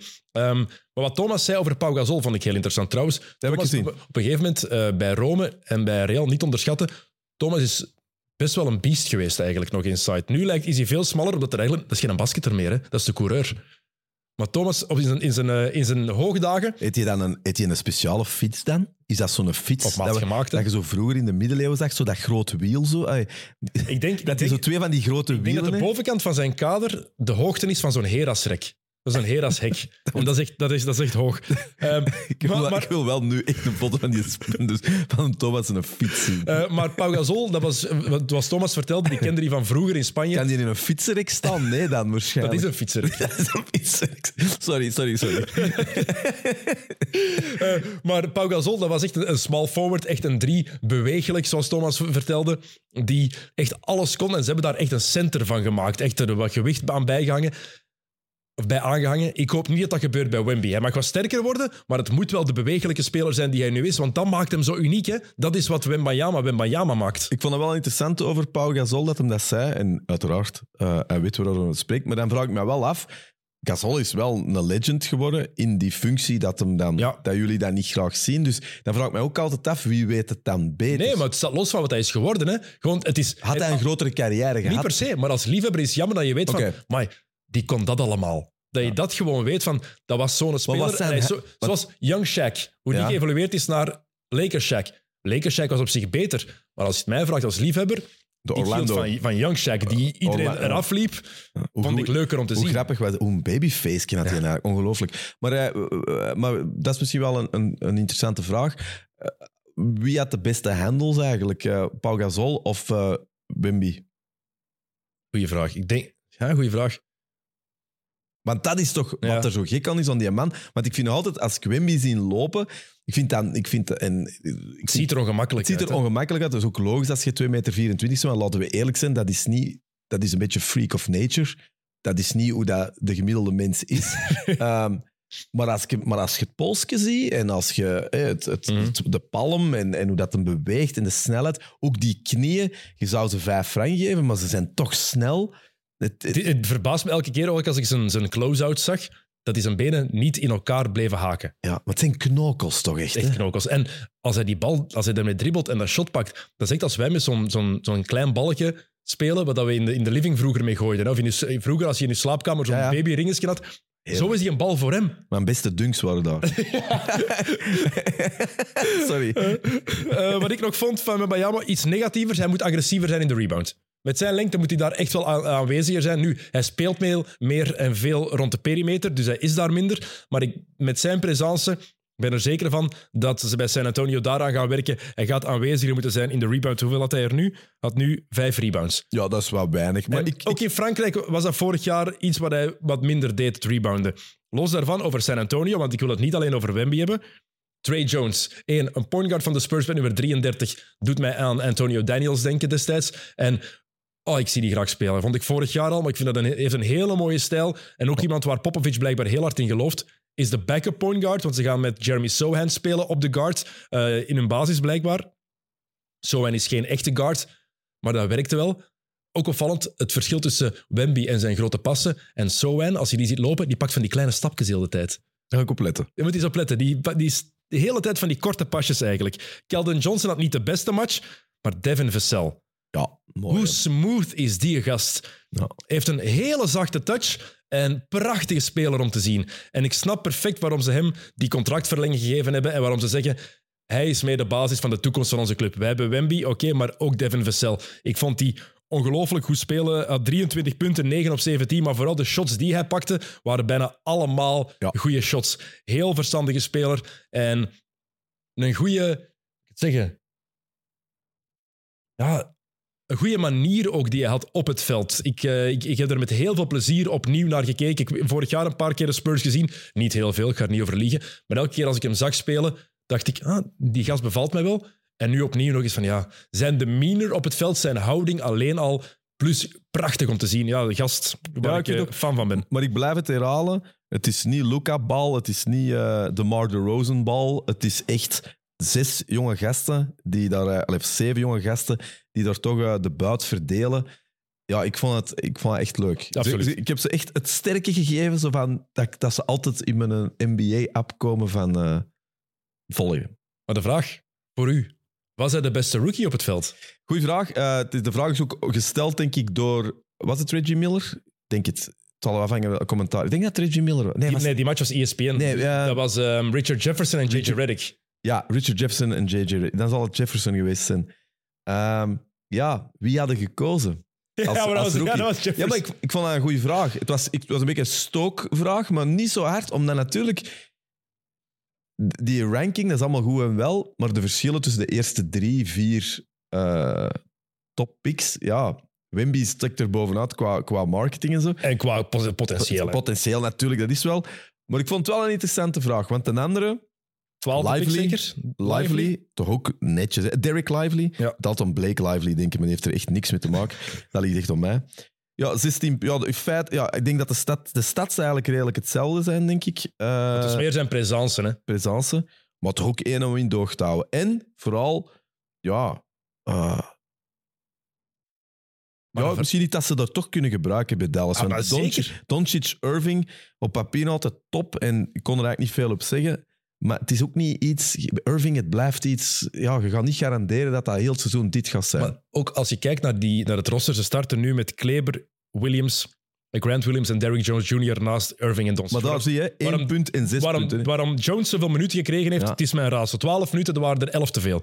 Ehm als wat van de bank heb je dan nog Holmes en Powell. Maar eigenlijk daarom dat Lively ook gestart is in de tweede helft. Dit is perfect wat je ergens nodig hebt bij dat team om op de center te zetten. Blijkbaar is Tyson Chandler daar ook al heel veel mee aan het samenwerken. Vooral voor zijn defense, wat heel goed nieuws is. En dat zag je ergens ook wel. Ehm, maar Lively, het is een grote verrassing. Als twaalfde gekozen. En toen die gedraft werd, ehm, is gekozen door OKC, maar dan getrade naar Dallas. En toen die gedraft werd, dachten veel mensen, oeh, daar al. Want bij was naar high school, groot talent.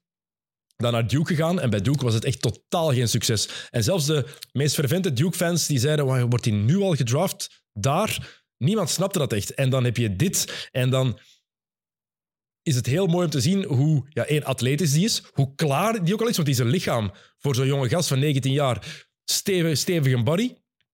Goeie handen. Een paar keer dat hij een bal gevangen heeft waar ik niet van dacht dat hij die ging, ging vangen. Die ene alley-oop die hij daar doet over, over Collins of was het over Osman? Nee, over Zach Collins. Ja. Pwah, die je daar ook binnen worstelt, want het is eigenlijk geen echte dunk. Was heel knap om te zien. En dan ben ik wat meer beginnen lezen over hem. En dan lees je het achtergrondverhaal. En dan, ja, de gunfactor wordt alleen maar groter. Eh, Goeie koppeken ook. Ja, Derek Lively. Goeie de- haar. Derek Lively the second. Ja. Staat ook op zijn shirt the second. Ehm, en dat komt omdat hij heeft zijn vader verloren op jonge leeftijd. Op zijn twaalfde blijkbaar. Ehm, wanneer Wembanyama gewoon al iedereen aan de wegblazen was met zijn talent. Maar Derek Lively die komt uit een, eh, een veel moeilijker verhaal. Op zijn twaalfde blijkbaar stond hij de rand van, eh, van de trap en zag hij zijn vader beneden aan de trap liggen, bont en blauw, zijn moeder telefoon in de hand aan het gillen eh, om hulp bij eh, 9-11. Vader had een overdosis heroïne gepakt. En heel de jeugd heeft hem dat achtervolgd, want ze zijn in dat huis blijven wonen, maar niet veel geld. En die plek op het tapijt is altijd vlakker en donkerder gebleven, waar die vader heeft gelegen, waar die vader is overleden. En daarom speelt hij nu ook altijd met nog meer gewicht eigenlijk op zijn schouders voor, eh, om, zijn vader, eh, om zijn vader zowat te, te eren of omdat dat het hem gewoon ergens achtervolgd heeft. Maar ik vind het wel... Ja, toen ik dat las, Ja, dat. dan werd de, gun, de gunvader gewoon... Ja, gunfactor Niemand- gewoon, ja. Niemand die nu kijkt, gaat ooit nog hem zien zonder dat verhaal. hè. ja. Dat is knap. Ja, knap is niet het woord, maar eh, ja. Mooi of zo. Dat is eh, inspirerend. eh, Inspirerend dat hij gewoon dat, dat hij erdoor is Ja. gekomen. Want dat is van zo'n achtergrond komen, dat is niet evident, zeker in Amerika. Om dan effectief nog gewoon een succesverhaal te worden, dat blijft altijd straf. gaan, wel mooie, gaan wel mooie momenten worden als eh, Kyrie Irving daar weer het zot krijgt. En weer gaan flippen over iets random. En dan Iemand hebt die effectief Derek, Lively, dat Ja. is altijd... Maar eh, Kyrie, nogthans, blijft dat, blijft dat straf. Want Kyrie Irving heeft zelfs zijn moeder op jonge leeftijd verloren. Hè. Die heeft ook al veel shit meegemaakt in zijn leven, Kyrie. En daarom verbaast het mijzelf zo vaak dat hij zich zo verliest in zoveel dingen die het misschien niet waard zijn. zou, Ehm, het, zou het kunnen dat hem dit jaar kalmer zal zijn? Hij heeft gezegd, voor het seizoen begon, de prijzen, het succes en alle businesszaken en zo, allemaal geweldig. Maar ik ben hier om deze gasten op een andere manier te leiden dan ze ooit geleid zijn. Dat hoor ik niet graag. Ik heb zoiets van, je moet gewoon goed spelen. Je moet niet leiden of zo. Maar zit jij graag in Dallas? Is dat geweten? Hij zegt van wel. Maar is dat een toffe stad, Dallas? Ben er Nog niet geweest, maar ik heb gehoord van wel. Eh, maar blijkbaar, ja, de geruchten zijn nog altijd heel groot. Dat de Lakers hebben D'Angelo Russell een bepaald contract gegeven om een pakket te kunnen maken om hem te traden voor In Kyrie. februari. Ja, voor, voor de Ah, trade ja, deadline. ik bedoel, in ieder... eh, half... Maar of dat gebeurt, dat is een ander verhaal. Ik vind dat Kyrie bij momenten wat te passief was eigenlijk. Eh, want er was... Ja, Jason Kidd heeft nog altijd geen mooie aanval daar op poten gezet. Ehm, je hebt Maar- Luka Doncic en Luka was prachtig om naar te kijken. Hij was weer fantastisch. Ik vond hem echt, ik vond hem echt, echt goed. Maar hoe is, misschien moet je dat toch eens uitleggen voor eh, de, de, de, niet, de niet diehards of zo, maar het, het, het Luca-bal Mhm. gegeven. Wat ze zeggen van ja, wat eigenlijk zegt, zegt van ja, hij is fantastisch, maar ja, hij geeft, hij, hoe was het? Hoeveel percentage van goals 85 dat hem zonder assist Ja. maakt? Dus ja, hij bindt alles op zijn eentje. Ga je dat er ooit uitkrijgen? Met de juiste coach wel. Ja. Zoals Thomas het ook zei, hier in onze, onze previews bij Real was hij zo niet. Bij, bij eh, Slovenië is dat af en toe, maar veel minder. Dus ik denk dat het er wel uit kan geraken. Maar ik vind het gewoon straf. Hij en Kyrie, ik denk sowieso niet dat het basketbalgewijs de beste combinatie is, die twee. Het zijn allebei ISO-players. Het zijn allebei spelers die uit hun, uit hun 1 tegen 1 situaties kunnen creëren. Luca, ook heel veel voor zijn ploegmaats. Kyrie creëert voor Kyrie. Dat is heel duidelijk. Maar ik vond nu heel, heel opvallend dat Kyrie heel vaak gewoon aan de kant bleef staan en bleef kijken naar Luca. En als hij de bal kreeg, was het zijn beurt. Het was zo meer my, my turn, your turn. En het was heel veel de beurt van Luca, die ook gewoon een geweldige match speelde. Net 33 punten, weer een triple-double met meer dan 30 punten. En hij scoort daar die dagger, hè, die step-back drie-punter Ja. aan de top die hij binnengooit. Daarvoor een paar belangrijke shots van, van Kyrie. Maar ik Is zie... dan, een der, is dan een derde in die ploeg die daar zo een beetje... Zo, is het... eh, ik, ik, ik Nee. ben je weet wat ik wil Tim zeggen. Hardaway Jr.? Ik, vond, ik vind kan dat... zo'n Derek Lively de kerel zijn die eigenlijk, zonder dat hem daar de leider kan zijn, maar die wel zo ja, een soort verbinding kan zijn met de rest van die ploeg. Want die roleplayers dat daar rond zitten, ja, Ja. dat- Ik denk dat Lively vooral de Tyson Chandler-rol echt wel kan spelen. Lobs vangen van Luka Doncic. ehm, goed verdedigen. Af en toe is de bal in de post krijgen, maar zeker niet ehm, geen, fo- geen focuspunt worden eigenlijk. Wat ik niet snap is dat Seth Curry zo weinig gespeeld heeft. ja, maar Vier minuten. was daar iets mee? Nee. Geen idee. Maar heeft, anders zou hij niet spelen. Hè? Maar Jason Kidd, sowieso geen fan van hem als coach. Ehm, Het is wel zot, die heeft, een echt, die heeft alleen maar nullen. Ja. Die heeft nullen. maar in vier minuten, hè? Ja, maar er is echt niks op. Nee, maar speel nu gewoon als, als, als je Dallas Mavericks fan bent, zou ik gefrustreerd raken. Oké, we winnen. Oké, Luca heeft weer laten zien hoe goed hij was. Kyrie was eigenlijk een beetje onder de verwachtingen, gewoon omdat hij gewoon beter nog altijd kan. Hij is zo'n goede speler dat er gewoon meer Ja. uit kan komen. Maar, Het was genoeg, hè? Het was wel genoeg. tuurlijk, maar speel nu eens gewoon een deftige aanval. Speel gewoon een deftige offense. Creëer een offense die Luca en Kyrie waardoor die twee het beste in elkaar naar boven halen. En dat heb ik gewoon nog niet helemaal gezien. Trouwens, wel iets anders over Luca, wat ze ook in de, in de uitzending een paar keer zeiden, hoe die zijn momentum kan vertragen. Zo ongelooflijk geniaal. Op een gegeven moment gaat hij in de tweede helft naar de ring en doet hij daar twee stappen. En bij die tweede stap vertraagt hij zo hard, omdat hij weet dat de verdediger in zijn rug is, dat hij tegen hem gaat botsen. En dan hij weet, ik ga toch gewoon binnengooien met het bordje. Bump in de rug, bordje binnen, bonusvrijworp. Hij doet dat op zo'n geniale manier. Ik ken geen enkele speler die zo sterk kan vertragen als Luka Doncic. Hij heeft er ook natuurlijk de... Ja, ik vind ook... Het postuur voor. Dat was het woord dat ik zocht. Ik Ja. wou size zeggen, maar het is al Engels genoeg, hè. Oké, ehm, ja, vier, de, vier minuten per match, hè. dat is het ding hier. Hè. de Belgische rookie, Ja. Toumani Camara. Nou, de, dingen, eh, even teruggaan naar de, Portland dan in zijn geheel. Ja, Eh, ja, ik zou... Ja, Portland, ik heb er ook gelet natuurlijk Scoot Henderson. Eh, de minst, de minst eh, presterende, gehypte rookie van ze allemaal. Ja, het was die fantastische eerste helft. 0 punten, 0 op 5. Ehm, maar in totaal, wat zeg ik? Ja, 0 op 5. Drie balverliezen ook en min 20, plus minus. Maar uiteindelijk wel 11 punten uit een 5 op 11. Die tweede helft was zich een pak beter. Maar je zag wel, vond ik heel hard, hij was echt aan het zoeken. Hij wist niet wat hij moest doen met momenten. Ja, het schrik. Ja, denk je? Zenuwen, ja, het was wel veel. Als je, ik, als- soms kun je het zo zien aan de, de manier waarop dat de, de, de, de, de uitzending is. Hè, hoe dat ze erover babbelden. Camerawerk, ey, eh, wat was constant hem. Hè. Ze zitten natuurlijk met, met een hoop volk dat precies even minder aandacht krijgt. Vond wel dat, er, vond wel dat je het merkte of zo. Ook, het was ook enorm hard zijn atletisch vermogen en allemaal nog eens herhaald werd. En dan zie je hem dat eigenlijk niet doen. Ik vond dat je hem het niet zag zien doen. Maar ja, het is wel een atleet, hè. Dat sowieso, maar ik vond En ook het- Russell Westbrook gegeven dat hem er dan toch zo hard mee bezig zou geweest zijn, omdat dat zijn held is. je zag het bij zo'n foto, Westbrook, want Westbrook die was goed. Dat wil ik het. Hallo. Mag ik die er even tussenin gooien? Zeker. Als we zo over Harden en zo bezig zijn, de Irvings. Hoeveel shit hebben wij eh, allemaal Russell Westbrook bij de Lakers gegeven? Ja, als ik die dan bij de Clippers zie, dan denk ik, dat is echt alleen sportief, hè, dat hij mindere momenten heeft. Maar, Ah, als, natuurlijk, maar, als mens is dat toch eigenlijk maar het, gaat ook, het, het ging er ook puur over het sportieve. Hè? We praten Over, we hebben Westbrook nooit shit gegeven als Dat mens. is wel waar. Nooit. Nee, maar ik vind dat wel... Het mag ook wel eens gezegd worden, bij de Clippers er soms een beetje worden zo wat vergeten. Hè. Die Clippers, ik vind dat de, minst, de meest genegeerde ploeg soms. Hè, wat daar ook zit, hè. Eh, Ky- eh, dingen, eh, Kawhi en George. Mhm. Het gaat nooit over de Clippers, hè. Zelden, hè. Wow, pas op, ik heb vorig jaar letterlijk in de previews gezegd, denk ik, van eh, dit moet het beste jaar Ja, maar uit het is nooit. Nee, nee, maar ik heb ze denk ik al een paar jaar wel in de top drie gezet van het Maar Westen. er is toch iets met de Ja, omdat die Clippers? altijd geblesseerd zijn. En het is ook de meest vervloekte franchise die er bestaat. Hè? Er is iets met de Clippers. Dat is duidelijk. En dan zie ik hem daar dan zo shine en denk ik... Ik was wel blij met de Russell. Ja, ik vond hem heel, ik vond hem heel goed. Eh, ook in de playoffs vorig jaar was hij trouwens goed. En dat hij op zijn leeftijd, na al die jaren, dat atletisch vermogen nog altijd heeft. Want dat wou ik zeggen, er was een ene moment, de, een van de vele dunks van Westbrook die hij gedaan heeft. Dan zie je Scoot op de achtergrond staan en kijken en echt glimlachen. Naar echt zo lachen met die dunk van Westbrook. En dat was wel, ja, ik denk dat hij echt onder de indruk was van, het is tegen Russ. Moet wel stoppen, hè. Kun je wel niet doen op dat niveau. Hè. Nee, de, Ah, de eerste dat- match is het toegestaan. bedoel, je mocht een handje geven, je mocht dat shirtje wisselen, maar tijdens de match of zo moet je wel kapot. Hè? Dat kan niet anders. Ja, ja. Maar ik bedoel... eh, maar ik vond wel... ehm, ja, en dan... Ja, Toumani Kamara heb ik natuurlijk ook wel wat op gelet. Maar nog even, even één ding Ah, over, sorry. over Scoot wil ik nog even één ding Ja. zeggen. Want het was zoeken inderdaad voor hem, zag je heel duidelijk. Ik denk dat hij precies zijn atletisch vermogen ook nog niet helemaal durfde gebruiken.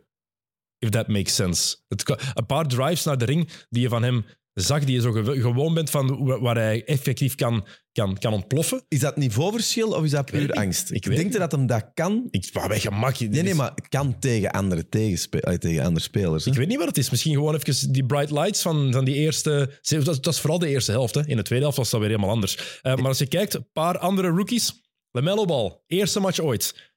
Nul punten uit de 0 op 5. Daarna Rookie of the Year geworden. Kyrie Irving, zes punten uit een 2 op 12. Daarna Rookie of the Year geworden. D'Angelo Russell, geen Rookie of the Year geworden, maar zijn eerste match vier punten uit een 2 op 7. Dus ik wil maar zeggen, één match, eerste match, dat wil niet per se iets zeggen. Voor hetzelfde geld is goed. Gooit hier de volgende match 35 binnen. Maar dan, dan, dan herpakken we ons. Hè. Ja. Want nu niet, hè, Dennis? Nee, nu niet, ik weet het.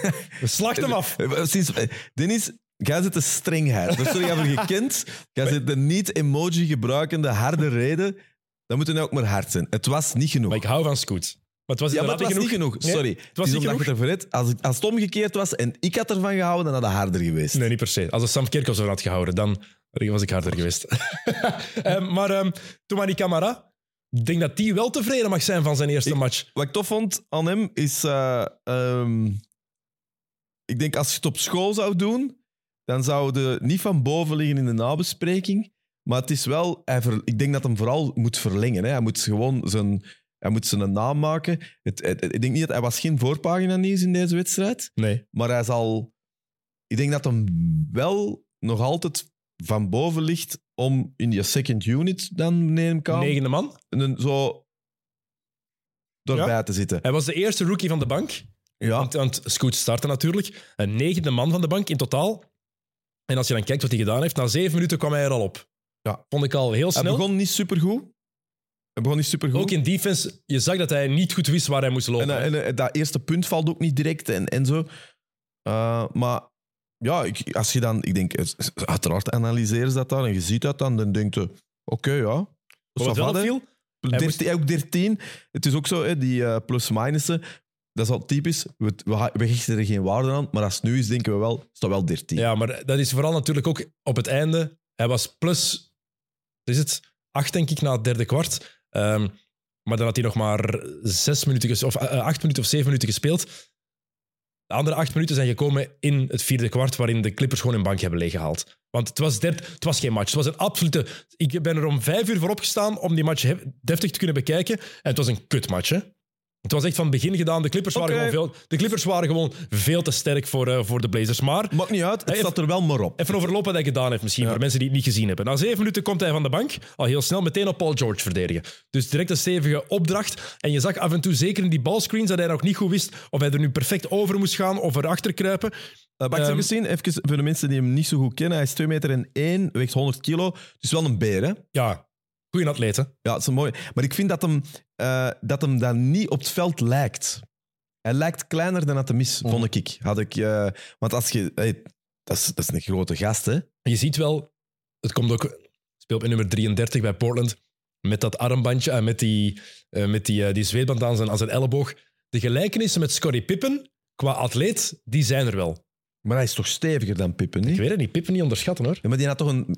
Hangt er vanaf welke Pippen. Pippen bij de Ik Blazers was jij al zit toch- stevig. hè? Jij zit toch de Vlaamse Scottie Pippen, als ik je zo zie zitten? nee? Scotty was wel een pak gespierder en een pak breder. Zeker, zeker bij Portland in zijn, eh, in zijn latere jaren. Dat is waarom ik je zo graag zie, dat jij er echt serieus op ingaat. Dat is zo goed. Fuck off, jongen, echt. Dus even verder gaan. Eerste shot was een airball eh, van hem. En meteen daarna maakte hij een fout. Dus dat was wat minder. Dan heeft hij na de eerste shot geen bal meer gezien. In, in vijf minuten speeltijd. Ehm, dan komt hij er weer op in het tweede kwart. Met nog iets meer dan drie minuten te gaan. En ehm, heeft hij een half minuut gespeeld. Want dat was er een time-out. En wordt hij er gewoon weer afgehaald. Vond ik heel vreemd.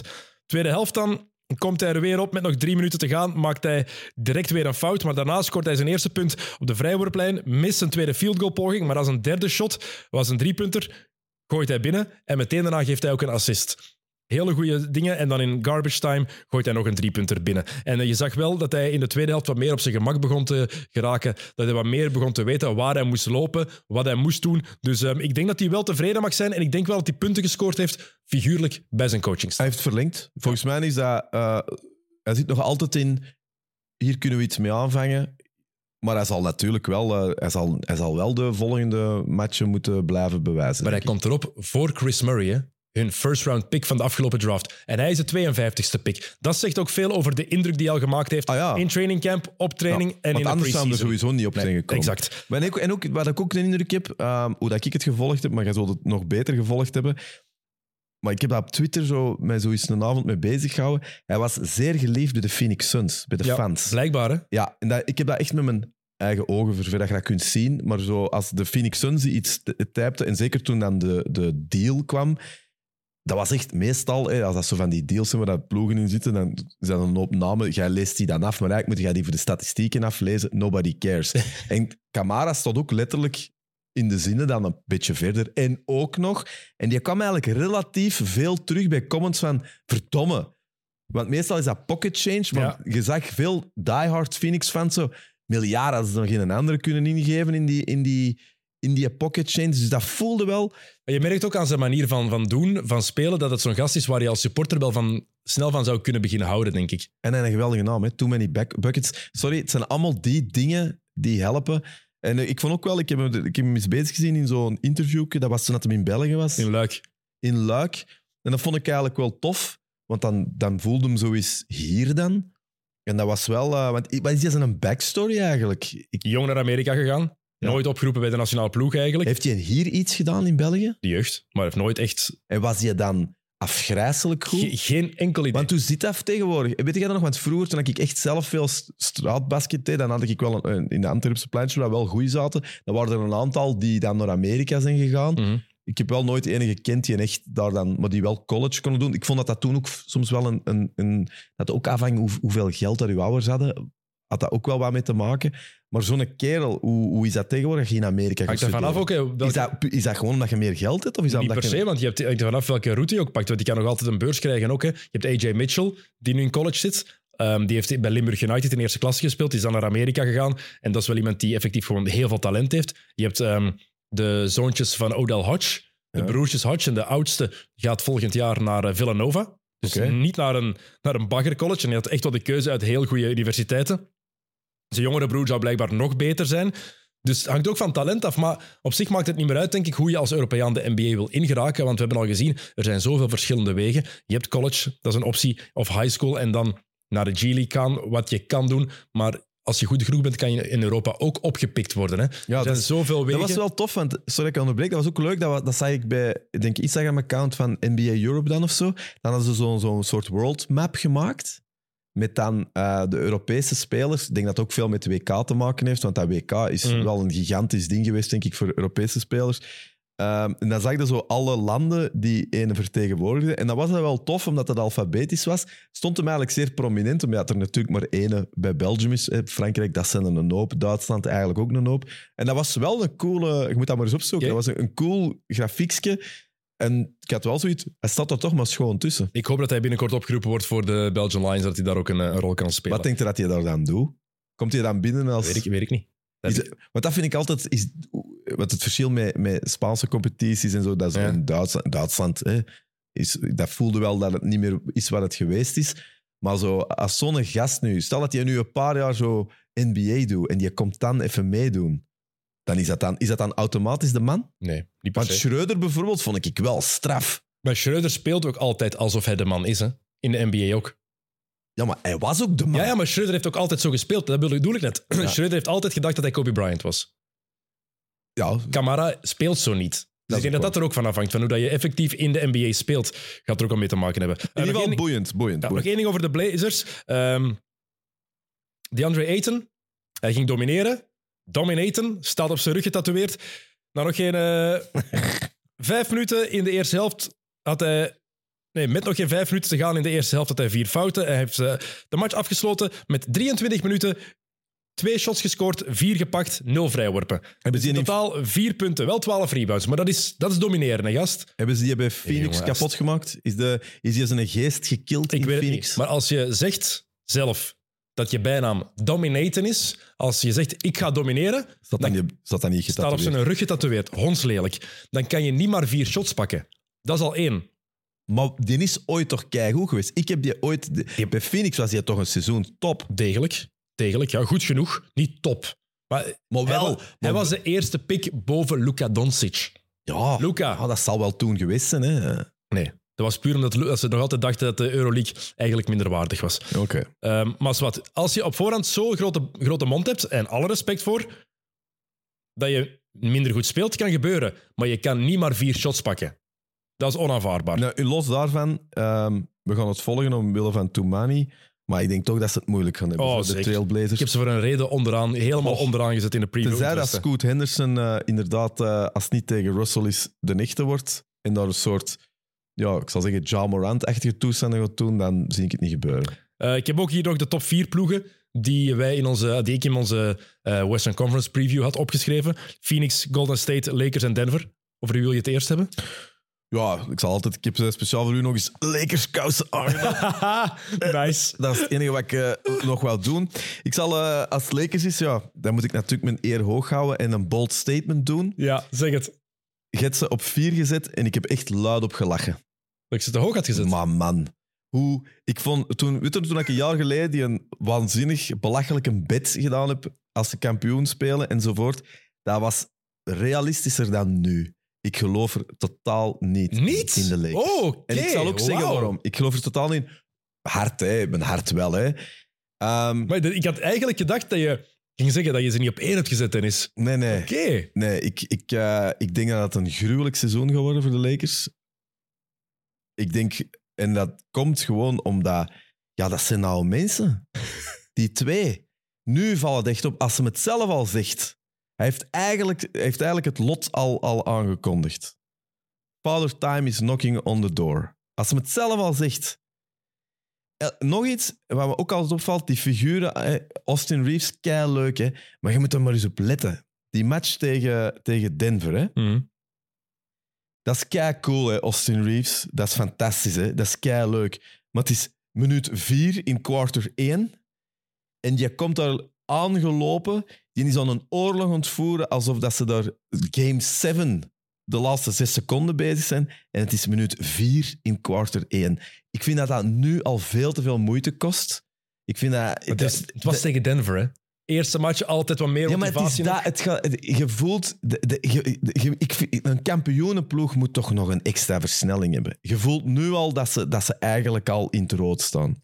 Nee, wauw. Ik, Ja, ik geloof er niet in. Ehm, ik geloof er dus meer in dan jij. ja, ook omdat het viel me ineens op, en dan kunnen zeggen, valt het u nu pas op, maar die echt topploegen, hè, al, als je naar Denver ziet, hè, en daar zullen we het over hebben, en, en we hebben het er straks even voor al gehad, Bruce Brown en zo, maar eigenlijk is dat dezelfde ploeg, hè, min Mm. of meer. Hè. Ik, heb echt, ik ben er vrij zeker van, hè, dat, eh, noemt er eens een paar, de Aaron Gordons en wat is het, Michael Porter Jr. en Brown en noemen ze allemaal, al die gasten, hè, die zullen wel eens een slechte dag hebben. Hè. Maar ik denk, als je een Denver-fan bent, dan zit er niet... Dan gaat er nooit gesprek hebben als in... Zouden ze vandaag goed zijn of niet? Rui, Rus, eh, dingen, D'Angelo Russell, noemt er nog eens een. Uh, wie het nog allemaal? Eh, Ehm, Vanderbilt, Christian Wood. Austin Reeves, Torian Prince, keigoed begonnen, tweede match al niet meer. Je kunt niet rekenen op die mannen. Oké, wauw. Ik ben daar... Ben En de twee supersterren zijn oud.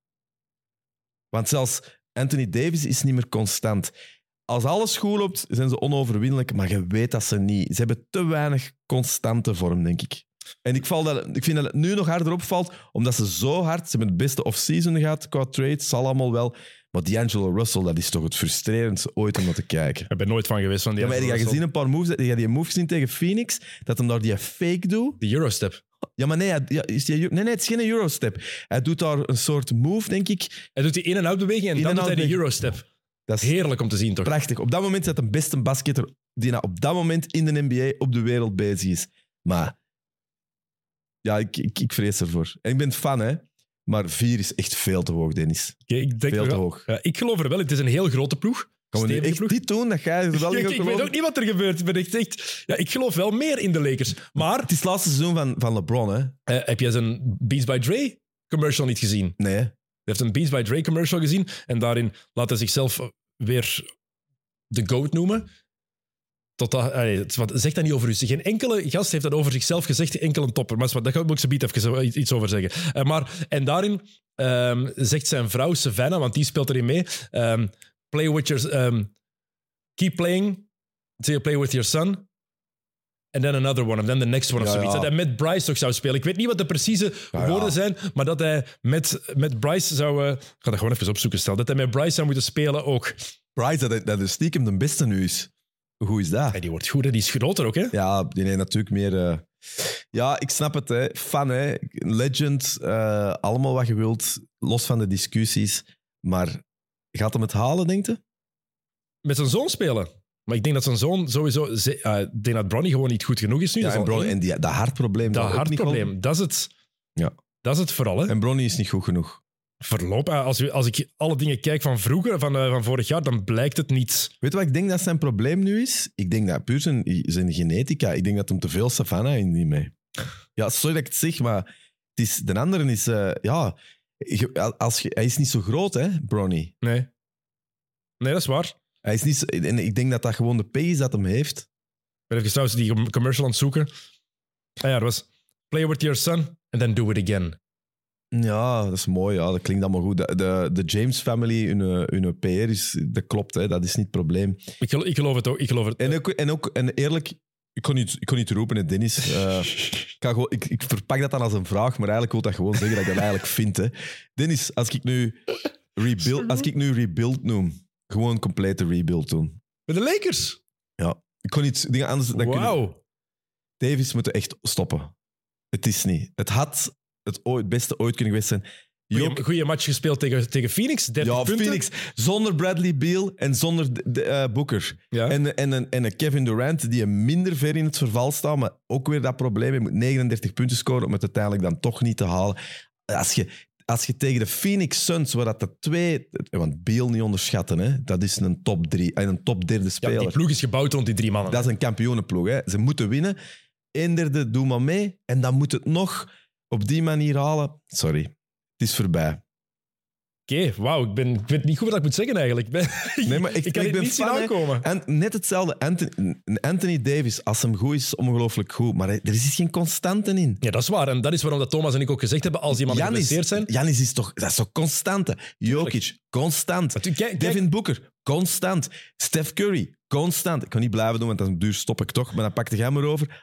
Maar de, de, de, de, de continuïteit, het constante, krijg je niet in die ploeg? Nee, maar dat is het probleem. Kijk naar die eerste match. Anthony Davis speelt een goede eerste helft. Scoort 17 Geen punten. punten in de tweede helft. punten. En pakt ook maar vier shots in de tweede helft. Nul punten in de Dat tweede gaat helft. En niet, dat is onaanvaardbaar voor iemand... Ja, maar, en dat is die- niet de eerste keer. Hè. Nee, maar dat is, vooral, dat is het probleem. En dat is onaanvaardbaar voor iemand die het gezicht van een, van een club moet zijn. Want LeBron is heel tof. Hè. En als hem weer gaat, ik bedoel, als hem, maar je voelt ook dat hem zijn momenten kiest. Hè. Als, hem, als LeBron James zegt: Ik ga nu naar de ring en ik ga een punt maken, dan wordt er een punt gemaakt. Maar hij kan dat gewoon niet meer eh, al die quarts volhouden. dat is logisch ook. Hè? Nu Ja, is dat, dat is allemaal logisch, maar ja, het is wel realiteit. En die andere roleplayers, ik snap het. En een goede deal voor, voor Reeves en, en Rui. En het zal allemaal wel. Ja, ik ben fan van Reeves, dat weet je. Maar Maar snap je wat ik wil zeggen? Ik ben ook fan. Maar het is altijd ten oorlog. Constant. Terwijl ik denk, er is geen overschot. Het is een gast die altijd maar moet... Ze, die moeten altijd op hun tippen van hun tenen staan en dan spelen ze hun heroïsche wedstrijden. Maar als ik, als ik die eerste match van Denver zie... Oh, Dat, dat is als, die zijn gewoon game 5 aan toen van de, van de finals. Ja, de, de Nuggets hebben op je gemakje gespeeld. Die hebben Ja, doorgeduwd wanneer het moest. Ja, maar dan... Ik bedoel, we gaan het niet over voetbal hebben, maar dat is wat... Als ik op de Boszaal zit, dat is wat je ziet. Hè. Dat is wat leuk is om, om, om de Champions League nu gaan kijken. Hè. Zelfs Porto of Barcelona is. Kom, kom, kom. En ze doen, gaan naar een volgende versnelling. En ik vind bij de Lakers, ik geloof niet in die extra versnelling. Oké. Eh, LeBron ging normaal maar 28 tot 30 minuten spelen per match. Was afgesproken met zijn trainer. Eh, maar tegen Phoenix heeft hij al heel vierde kwart gespeeld. Heeft hij er 35 eh, op het veld gestaan. Dus tot daar dat plan. Ehm, maar ik denk dat de Lakers wel een bepaald potentieel hebben. Torian Prince, geen goede tweede match. Tegen Denver was hij wel heel goed. Austin Reeves, ik geloof daar wel in als derde optie. D'Angelo Russell, dat is een probleem. Ik ben totaal geen fan van Russell. Het enige voordeel is dat hij een shot kan binnengooien. Maar ik vind dat... Ja, ik probeer daar iets voor te vinden vanaf dat je hem kan traden. Onmiddellijk. Het is wel op papier, hè, een Want. Wood, Christian Wood en Cam Reddish, daar heb ik nooit in geloofd in die mannen. Ik had wel meer van Hachimura verwacht. Die heeft heel, speelt maar 12 minuten tegen Phoenix. Ook in de eerste match veel te weinig minuten, terwijl dat de revelatie was van de playoffs. Heeft heel de zomer met LeBron gespeeld. Ja, maar ja, dat, dat, dat alleen al heeft heel de zomer met, met, met LeBron gespeeld. Wat is dat dan? Is hij daar gewoon wonen of zo? Ja, we hebben blijkbaar elke dag samen getraind. weet Ja, maar ik wat is dat dan? Maar de samen in de gym zitten en Andries weet ik veel. Samen basketten, Ja, hè? Ja, maar En ja, basketten en... en wat, wat is dat eh, dan? Om ter vroegst te komen, want dat is ook het nieuwe ding. hè. Ik was er om kwart na drie s morgens al. De Kobe mentality, hè? Mama dat- mentality. Ik vind het allemaal, ik vind het allemaal PR-babbel. Ik bedoel, als ik Rui zie... Maar ik heb altijd... wat- Die gasten, wat die wel allemaal hadden, hun playoff-tijd, dat is... hey, dat we Russell niet had, maar zowel Rui als Reeves toppen. En daar draait het ook om. Hè. Maar ik vind het... eh, ik zie daar... Ja, ik weet het niet. Ik, ik, ik vrees die twee, daar moet iets mee gebeuren. Davis moet weg. Oké. Maar ik ben flabbergasted. Fan van Davis, maar hij moet weg. Hou het tegen. Ja, dat de continuïteit er niet in zit, heb je gelijk. Absoluut. Gaat hem, gaat hem allemaal, hoeveel goeie- matchen gaat hem spelen? Maar dat, dat- ja, die, in de preview hebben we het nog overlopen hoeveel, matchen het, hoeveel, hoeveel keer hij 82 matchen gespeeld heeft. Nooit. Dat hij maar twee keer meer dan 70 matchen gespeeld heeft. Dus, I know. en dat is, dat het grote En als probleem. hem speelt, dan doet hem een helft dat hem niet scoort. Maar nu tegen Phoenix, tegen Phoenix speelt hij wel een geweldige match. Hè?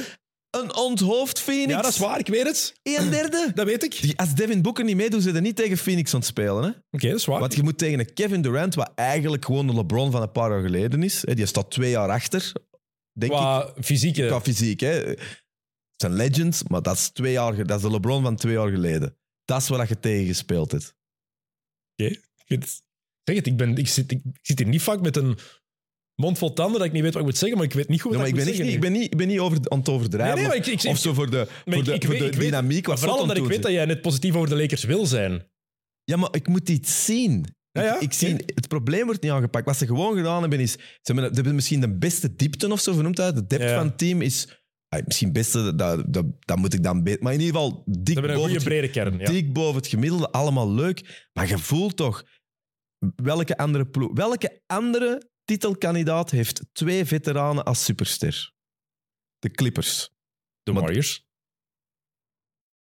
Stephen Curry en Clay of Stephen Curry en Chris Paul zijn ook veteranen. Hè? Ja, maar die hebben er al drie. Maar daar heb je gelijk in. Oké, zwaar. Ook oudere. Maar de meerderheid mannen. toch niet. Nee, zwaar. Je moet, zwaar. Je moet zelfs, hè, als je zou zeggen Doncic en Irving, Irving zou wat ouder, maar er zit altijd een jongen bij. Mhm. Een jonge gast. Lillard en eh dingetjes en eh Janis, jong. Boston, jong. Ja, zwaar. Ehm, het probleem is, ik denk, omdat ik gewoon, LeBron is toch altijd LeBron. En ja, Father Time is knocking on his door, dat is zo.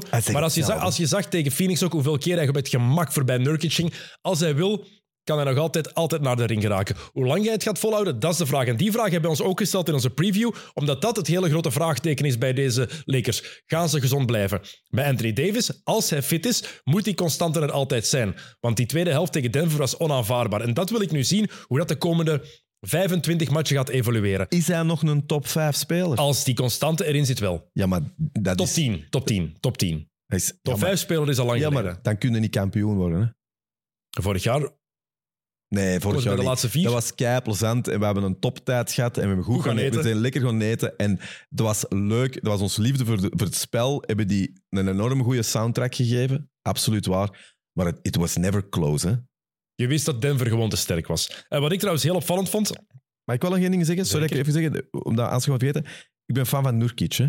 Nurkic. Ja, ni- niet als... Tegen LeBron had hij het wel moeilijk. Elke keer als LeBron naar de ring ging, dan was het oké. Ik weet het, maar ik, vond dat een, ik vind dat een goede pick-up van Phoenix. Oké. Zo een leuke erbij. Want ik denk dat ze hem bij, bij dingen wel missen, hè, bij eh, Portland. Hangt er ook vanaf waar Portland naartoe wil natuurlijk. Maar ik denk dit... Maar gewoon, Ja, ja. Het is, het is, we gaan er niet, die verdient zelfs geen vier minuten, maar ik, vind dat, ik zie die graag bij Phoenix. Ik vond dat een toffe...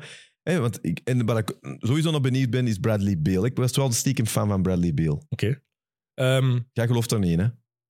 ik vind jawel, als derde optie wel. Ah, als derde optie absoluut. Maar de- Beal, Beal is, eh, was een, eh, een good stats bad team guy. Ja, oké, maar ja, hij, hij is wel een, is wel een, hij kan punten maken. Tuurlijk. Daarom, derde optie. Ideaal. Ja. Ik ben alleen heel benieuwd bij die ploeg. Ze hebben nog altijd geen point guard.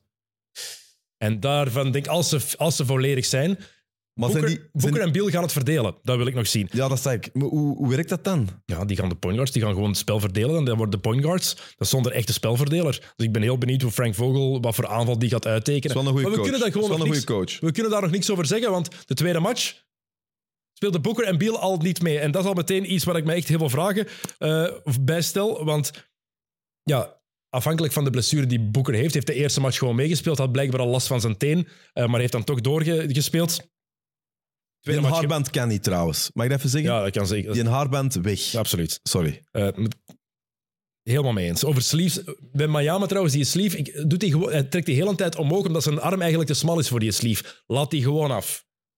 Ja. Als die strak zit rond uw arm, omdat je breed genoeg bent, geen probleem. Ik vind het onnozel, maar tot daaraan toe, als je dat tof vindt, draag het. Maar zo'n armsok haalt hij eraf als uw, als uw arm niet breed Ah, genoeg is. heerlijk. Heerlijk. Hate it. Eh, maar goed, dus Booker en Beal hebben allebei de tweede match al gemist. Afhankelijk van wat er nu de komende matchen en weken gaat gebeuren. Maar als Booker over twee matchen gewoon weer terug meedoet en het is gewoon een klein pijntje, ja, dan moet de NBA ingrijpen. Ik vind natuurlijk, je moet die blessures goed behandelen, dat is heel belangrijk. Maar de NBA heeft hier nieuwe regels ingesteld. En ze hebben gezegd, ehm, heel belangrijk, eh, geen twee sterspelers tegelijkertijd langs de kant zetten. Op verplaatsing mag het niet. En mag zeker niet tijdens een nationale tv-match. Die drie dingen waren tegen de Lakers. Op verplaatsing, national tv en twee sterspelers aan de kant. Nu gaan we zien of de NBA die regel effectief doorvoert of niet. Dat kan toch niet? Mag ik één ding vragen? Gewoon het interesse. Een sterspeler zijn, Ja. wat is daar de eh, objectieve voorwaarde Laatste voor? drie jaar All-Star of All-NBA. Of. Dus dat je niet met je pre te maken, heeft niet met je loon Nee, laatste drie jaar moet je All-Star of All-NBA zijn geweest en dan val je onder die categorie. Eh, en nog één ding. Ja, Kevin Durant was fantastisch in de tweede match. Behalve het vierde kwart, want dat was hij eigenlijk wat afwezig. Maar het is Devin Booker zijn ploeg. Hè. Ja, Je zei dat Kevin leuk. Durant is inderdaad wat ouder geworden. Hij is nog altijd goed, maar ik vind Kevin Durant vroeger, als hij op het veld stond bij de Warriors en bij OKC, en zelfs de eerste, eerste jaar dat hij speelde bij de Nets, dan straalde hij een soort onoverwinnelijkheid uit en van welke, welke verdediger die ook op mij zet, maakt mij niet uit. Ik mis dat een klein beetje. Ik had het ook al bij. Phoenix vorig jaar, hoe goed hij met momenten ook was. Hij, was, hij is menselijker geworden. Ja, ouder geworden. Ja. Maar het is wel Booker zijn team, hè? Ja, dat vind, ik wel, dat vind ik er wel goed aan. Hè. Maar het is wel zo, de Suns gaan het wel dit jaar moeten doen. Ja, Want Durant gaat niet beter zijn volgend jaar. ook al veel matchen gemist natuurlijk, Durant. hè. Ja. Eh, de afgelopen jaren. Ehm, twee, dingen, twee negatieve dingen over de Lakers waar ik me aan geërgerd heb. Oh, Kapot aan geërgerd heb. Dus heel de zomer hebben ze zitten sinds Media Day zitten zagen over ja, de Nuggets waren zo aan trash talken en de Nuggets met hun, met hun grote mond. En we hebben het allemaal wel gezien en gehoord. En LeBron ook, ja, je zult wel zien. ehm, je, je zult wel zien wat het, wat het allemaal is. Eén, de Nuggets hebben niks gezegd.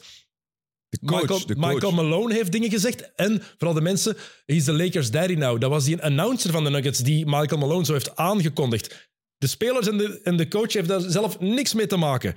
Dus dat vond ik al onnozel. En AD had dan gezegd, ja, het gaat extra motivatie zijn. Speel je de eerste match tegen Denver en dan gooi je in de tweede helft nul punten en pak je maar vier shots. Welke motivatie? Dat, dat kan ik ergens niet tegen. Ehm, en dan LeBron, die ook zegt van ja, je zal wel zien. Ja, als er één iemand is die zelf mega veel getrashtalkt heeft al tegen een tegenstander, is toch LeBron. Nadat hij de Warriors had verslagen in de finals, dat ze na drie, van drieën waren teruggekomen, had hij op een Halloween-feestje hadden ze die, die grafstenen van de Warriors. Dat is toch veel erger dan alles wat de Nuggets nu gedaan hebben. Ik snap niet waarom die dan nu aan het blijten waren gelijk zot. En nog, en nog niet onbelangrijk, als er nu één team is dat je alles gunt, dan zijn het toch wel de Nuggets of zo. een schoon team. Mag ik nog eentje ertussen gooien? Zeker. Hoe goed zagen die rings eruit? Ja, Die, eh, die, eh, die, die, die- eerste foto's waren super lelijk. En daar zeg ik ze in tekst. Super cool. Ik heb echt zo, ik heb zo'n ding gezien dat je zo kon inzoomen, dat ik zo high resolutie had.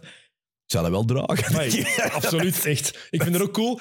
Ehm, Ik zou dat, ik zou dat, ik zou dat, zelfs als ik dat niet gewonnen had, zou ik dat Ik dragen. vind dat ook cool bij Inside the NBA. Kenny doet dat nooit, maar Shaq heeft altijd één van zijn ringen aan. Ik vind dat heel vet dat hij even gewoon altijd één... Niet, niks over zeggen. Niet meer. Vroeger heeft hij dat genoeg gedaan. Maar gewoon altijd één kampioenschapsring. Zo aan. altijd zo, en en dan proberen om die spots te vinden dat je zo in Barclays een oog kunt... eh, Maar ehm, waarom... De, en de Lakers die hebben er dus nu over, aan het klagen dat de Nuggets te veel gepraat hebben. Terwijl de Lakers zijn eruit gegaan in de playoffs met een sweep tegen Denver. 4-0. en dat was zo'n Daarna- fijne partij. Ja, en daarna partij. ging het meteen over het feit dat LeBron aan het hinten was op pensioen. En daar heeft Michael Malone terecht iets van gezegd. hey mannen, wij zijn door naar de finals met een sweep en jullie praten weer over de Lakers. Ik vond dat nu wel... Ik moet wel zeggen dat ik dat... Bij, wat- dat Michael Malone-ding... eh, Ja. Op zich had hem een punt. Maar dat is, soms... Dennis, dat, dat, dat weten wij zelfs op ons niveau. Soms heb je de waarheid aan je kant. Maar soms weten ook dat... Zoals al zeg dat op de meest objectieve manier, je gaat het niet krijgen. Nee, nee, dat is waar. Want er is nog altijd zoiets als een soort rechtvaardigheid die misschien in uw hoofd rechtvaardig is. Maar dat is nu eenmaal het ding. Ja, dat, dat hangt aan de franchise vast. De Lakers zijn altijd nieuws. En dat kunnen boos of ze kunnen irritant vinden. Maar, Maar je hebt ze wel dat- net met 4-0 naar huis Ja, gestuurd. je- dat is ook zo. Maar dan nog, er is niks oneerlijk aan media-aandacht. Dat klinkt zo, maar dat is niet. Dat is gewoon meer mensen willen klikken op een verhaal van de Lakers dan over de Denver Nuggets. Sowieso pech. Dat is waar, absoluut. En daar had ik er gewoon een beetje bij van... Ja, man, je gaat, doe dat gewoon niet. Maar Want feit- heel, die, heel dat team, wat vond ik er zo leuk aan, vind ik nog altijd leuk aan, is zo dat... Ja, down to earth is niet het woord, maar zo... Ja, dat is een heel volkse ploeg. Dat is zo de people's... ja, ja, down to earth eigenlijk. Ja. Effectief. Want die stad is ook... Dat is een heel mooie stad. Hey, er is veel aan die dingen goed. Maar eigenlijk, zo Jamal Murray... eh, Michael Porter, ook Jokic. Het zijn niet de mannen die alles van de dak roepen. Dat is het hele Ja. punt. Nu, als je dat als motivatie wil gebruiken, doe dat gerust. Hè. Kijk naar Michael Jordan destijds. Jeff Van Gundy die keek in zijn ogen scheef naar hem en hij was op zijn tenen getrapt en hij nam het persoonlijk. Dat kan zijn. Maar die zei, die sprak dat niet uit op voorhand. Die gaf die man een pak slaag en dan zei er daarna iets over. Nu hebben de Lakers daarover zitten klagen tijdens Media Day, over zitten zagen. En dan hebben ze het niet laten zien op het veld. Maar ze hebben zich Nee, laten... nee. Het is niet dat hem, zoals Dylan Brooks, die, had hem, die heeft hem echt bijna zijn carrière geëindigd. Wel respect voor Dylan Brooks, dat hem er dan toch uit is geraakt. Dat is ook het enige, want het is een beetje een volse gast. Maar, Absoluut. maar ja, dat vind ik totaal leuk. Ik vind dat ook eigenlijk niet interessant. Ik heb gewoon zoiets... Wat ik tof vind aan, aan de Nuggets, eh, en is dat dat eigenlijk zo, zo fijn is om gewoon een, een, een ploeg die zich niet versterkt heeft. Mhm. Hè, want er valt eigenlijk niet veel over te vertellen, buiten Bruce Brown. Maar als Bruce Brown het Die enige is, Bruce Brown en Jeff Green zijn weg. maar dat, Jonge gasten dat die is geen groot nieuws. Eh, je weet ook dat die, als hun starters gezond zijn, kunnen ze gewoon verder gaan. Ja, ik vind dat we altijd wel... Ik hoop nog wel eens op een repeat. Dat, is lang geleden, hè? Wow, pas op, nee, Ah ja, 2018. het is juist de ja, Warriors. Ja. En daarvoor de Heat 13, 14. Uit 12, 13. Ja, dat is waar, maar dat is nog waar. één ding over het, over het gezaag daarover, wat ik dan heel grappig vond, dat de supporters op het einde van de match tegen de Lakers begonnen te roepen in Denver. Who's your daddy? Ja. Dat was heel grappig. Jamal Murray zijn reactie daarin gezien, want Murray door Nee. de microfoon we ging meteen naar zijn coach en zei, This is your fault. This is your doing. was heel funny. Wat ik nog opvallender vond, na de match tegen de Suns, ze winnen dan, en LeBron geeft een interview en hij zegt dan meteen van ja, het stoort ons allemaal niet. AD geeft niet om wat er allemaal gezegd wordt. Ehm, hij, eh, hij heeft geen social media, dus hij ziet en hij leest niks. Maar waarom is AD dan aan het klagen op Media Day over alles wat de Nuggets gezegd hebben, als hij toch niks ziet en leest? Hij- ik, ik, vind, dat, dat zo raar. Ik vind dat zo... Ze moeten zich daar niet mee bezighouden. Nee, ze zijn er te goed. Ze zijn er gewoon... En te groot ook voor. sorry. Exact. Ehm, exact. Ze moeten eigenlijk vooral... Ze moeten vooral gewoon eens... Net eh, zoals ze LeBron. Moeten, gewoon winnen. Net zoals LeBron niet moet zeggen over zichzelf dat hij de GOAT is. Ah. Of dat je- kijk, ik weet, de jongere generatie vindt dat. Veel van de jongere generatie vindt dat. Ik vind dat Michael Jordan... We hebben het hier al genoeg over gehad. We gaan die discussie niet nog eens voeren, want we hebben al tienduizend keer gehad. Ik wil dat ooit nog wel eens doen, maar dat is niet, niet- ah, daar moet het langer genoeg voor geleden zijn. Ehm, maar of je dat nu vindt of niet, ik zie niet waarom dat je dat zelf moet blijven zeggen. Want hij heeft dat eh, nog eens gezegd in een GQ-stukje, denk ik ook, over eh, If I wasn't the GOAT in basketball, I, I would love to be the GOAT in. Zeg dat toch niet over uzelf. Phelps heeft dat nooit over zichzelf gezegd. Tiger Woods heeft dat nooit gezegd. Tom Brady heeft dat nooit gezegd. Michael Jordan niet. Joe Montana heeft dat nooit gezegd. Eddie Merckx niet. Usain Bolt niet. Al die GOATs zeggen dat niet over zichzelf. Simone Biles ook niet. En ook al ben je dat misschien, ook al vinden mensen dat, zeg dat toch niet. En, da- en da- daarom, wat je net zegt, daarvoor, daar ben je te groot voor. Ja, je je bent te groot om dat zelf te moeten zeggen. En ook, wat dat Jordan altijd zei, ehm, en Kobe zei dat ook, van, ik ga dat nooit over mezelf zeggen, want dan heb ik te weinig respect voor iedereen die de weg geplaveid heeft voor mij en die zo groot waren in hun tijdperk. En dat vond ik eigenlijk een heel mooie...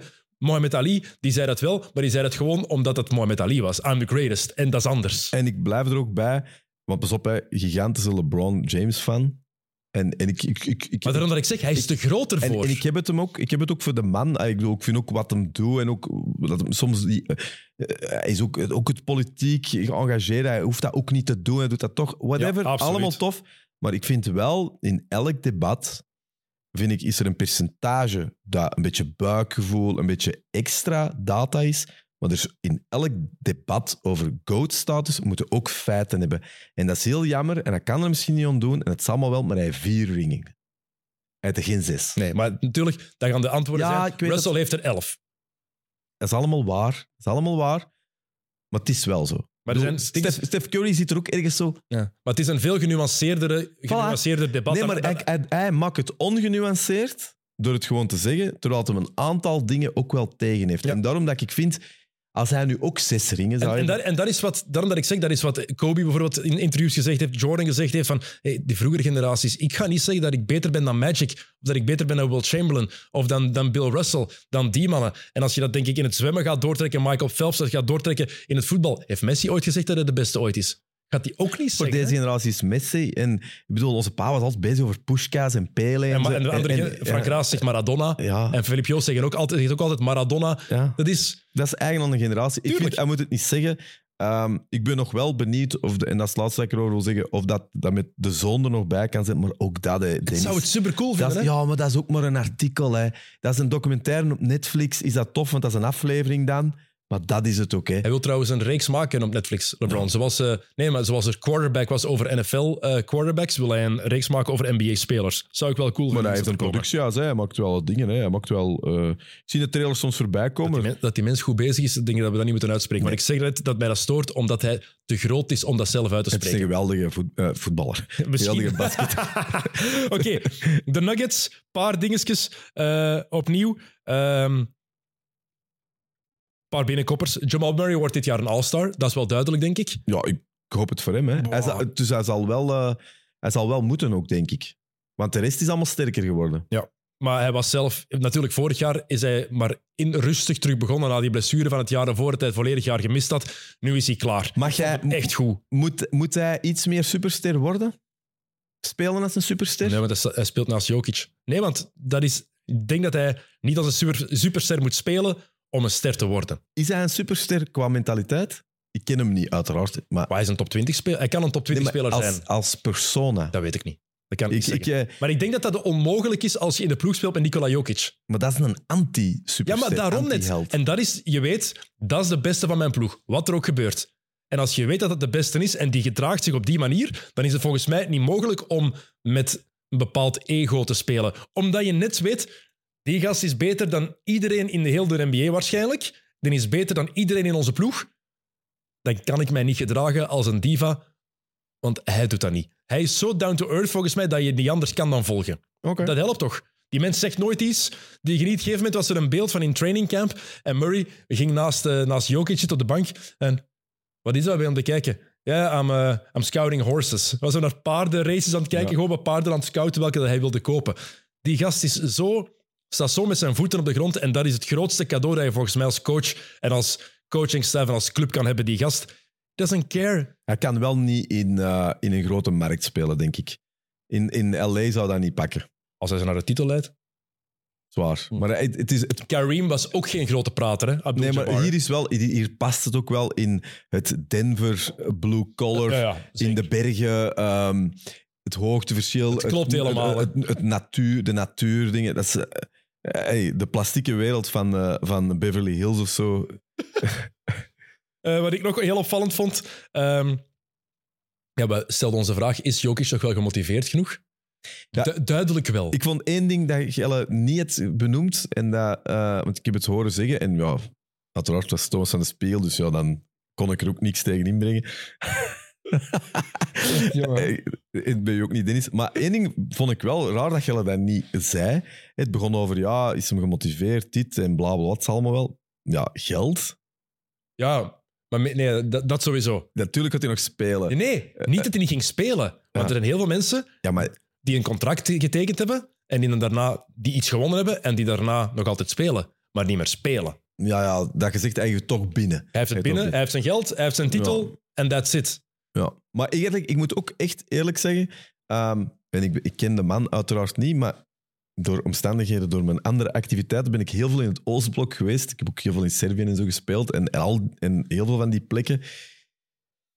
Ik wil niet een huisstaan keukenpsycholoog zijn, maar iedereen heeft een imago. Ook Jokic. Jokic weet ook dat als hem paarden dingen doet, als hem zegt I don't want to be on the party, eh, I don't want to be on the, on the title party, ik wil de parade niet door Seattle en zo. I smell een beetje bullshit ook wel. Ze. Ik bedoel, er zit... Geen ene mens is immuun voor, voor de aandacht en voor de, het lof dat je krijgt. Ook hij heeft dat imago. Dus ik geloof ook niet helemaal dat het... Ja, hij zal misschien liever bij zijn paarden zijn en zo, maar die- no way dat hij ook niet geniet van, van een heel stad te dragen en de aandacht van de arena. Hij was duidelijk heel blij met Ring Night. Ik heb hem nog nooit zo zien genieten. Ik had niet gedacht dat hij die ring kreeg, dat hij er zo naar ging kijken. Misschien Dus, dacht hem, dat kan ik, dat kan ik smelten naar een stuk hoefijzer. een gouden hoefijzer voor mijn paarden. Maar eh, was hij gemotiveerd? Ja, hij was Tuurlijk weer is hij zijn, gemotiveerd, Dennis. zijn Zo, weet wanneer dat solide, weet je extreem goede zelf. Weet je wanneer dat je gaat moeten oppassen als, dat, als nu bijvoorbeeld als die ploeg niet meer gaat draaien? En wat blessures en dat, dat wordt een slepend, slopend seizoen. Maar hoe zou die nu bezig zijn? Die gaan toch met de vingers in de neus playoffs halen? Ja, maar dat sowieso. Ja, maar vingers in de neus eh, richting, richting finals. Wie gaat die kunnen stoppen? Finals, dat durf ik nog niet voorspellen. Wie gaat die kunnen stoppen? Ik, ik heb Phoenix nog niet volledig gezien. Ik heb ze nog niet volledig gezien. Dat wil ik eerst zien. Denk ik dat- wil de Warriors met Raymond Green ook nog zien. Ja, maar ik heb, we hebben het nog niet gezien dit jaar. Warriors, goeie verhaal. Maar Warriors, wat, we, wat er goed aan de Warriors is, weten we. Mhm. Maar ook daar, Curry en zo, hij, moet het ook weer allemaal doen. Ja, ge- geloof, jij gelooft in die mannen, hè? Kaminga en zo. Ja, Kuminga, ik denk dat Kuminga een heel goed seizoen gaat hebben. Ik heb het nog niet gezien, hè? Ik vond hem niet slecht de eerste match. Ook niet goed, hè? Maar Maar dan ga, als je nu al dat hebt, dan gaat het toch niet, dan gaat het toch niet naar... naar Maar die eerste match was gewoon geen succes voor de, voor de Warriors ook. Hè. Maar ik denk dat de Warriors... Ik zeg niet dat ze kampioen gaan worden, hè, maar ik geloof wel in dat team nog altijd. ik vond Chris Paul, vind ik, heb ik meer hoop op dan, eh dan eh Kaminga. Ah, ik niet. Tegenovergestelde. Ik, ben heel benieuwd welke, daar ben ik benieuwd naar. ik ben benieuwd welke rol hij gaat krijgen als Raymond Green terugkomt. Want we kunnen die ploeg nu ook nog niet deftig beoordelen, omdat Green er gewoon nog niet is. En dat is zo'n integraal deel van die ploeg dat het te belangrijk is. Hij is te belangrijk voor dat. Vond jij Paul niet goed? Ik vond die leuk. Oké, was degelijk. Dan zit er wel... Je zegt, godverdomme, mega positief over de Lakers, maar over die er dan een beetje... Nee, maar ik ben, mega, ik ben niet mega positief over de Lakers. Ik zeg gewoon dat ik daar nog wel meer in geloof dan jij, heb ik gezegd. Ja, maar Gelle begon over, dat gaat onmogelijk, die twee, wat gaan die samen doen? Ik vond dat Chris Paul tof was. Ik, vond die, ik, vond die, ik denk dat hij dat ook nodig had. In de preview was ik positief over Chris Paul daarin. Ja, dat heb ik dan niet gehoord. Dat ik wou net zeggen. Ik heb gezegd dat ze net, dat hij net een, een andere dimensie gaf. Extra passer. Iemand die voor een midrange, midrange game zorgt, die Ja. er erbij komt. Maar Chris Paul, ik vraag me nog altijd af welke Chris Paul we gaan krijgen. Want sinds hij 38 jaar is geworden, is het een andere speler geworden. Dan is het een beetje bergaf gegaan. En ik ben benieuwd hoe bergaf het blijft gaan. Zijn shot viel opnieuw niet. En vaak is dat zo, als uw benen shot zijn, hè, als uw benen gewoon niet bepaald dat die een juice er niet meer in zit, dan voel je dat vaak in je shot. En ik wil weten, was dat nu ene keer gewoon 0 op 6? Of is dat iets dat door gaat komen? Want Moet hij gaan- scoren? Moet hij punten maken? Steve Kerr wil dat hij meer shots pakt. Want ik zou denken, maar ja, En in die ploeg, als je een open driepunt shot pakt, moet je het nemen. oké, snap ik. Maar ik zou denken van, geeft hij niet, kan hij ook niet heel veel stress wegpakken van Steph Curry? Anders, Steph Curry is weg van de ballen. Helemaal anders. Hè. Chris Paul heeft de bal, hij verdeelt het. Curry dribbelt over, geeft hem af of geeft hem meteen af en begint te lopen zonder de bal, want niemand beweegt zo zonder bal als Stephen Curry. Zwaar. is volledig anders. Uh, maar ik ben heel benieuwd. Gewoon, ik wil het zien met Draymond Green. En dan gaan we pas beter kunnen beoordelen hoe die rotaties gaan zijn. Hoe gaat het zijn met Clay Thompson? Want de contractbesprekingen met Clay Thompson zijn helemaal vastgelopen. Heeft al op Instagram gezet: um, It's just me against the world, baby. Uh, that type of energy, I'm on all season. Dus ik ben heel benieuwd. Die moet, gewoon, die moet, ik denk dat hij gewoon een paar topmatchen moet spelen. Ik hoop het voor hem. Ik... En dan is hij terug. Maar die ene wel sinds de blessure, die heeft geweldige momenten gehad, maar die, de twijfel over hem is wel niet weg. Er is geen constante meer in. Hè? Nee, maar ja. Het is ook niet met logisch, hè? Kruisband en Achillespees. Het is altijd hetzelfde, hè, wat we hier zeggen. Is, als je wat ouder bent, is het dat. Hè? Maar zeker na zo'n twee blessures. Tuurlijk. Het, zijn, geen, het is niet uw voet omslaan. Hè? Achillespees nee, nee, afgescheurd. En uw voorste kruisband.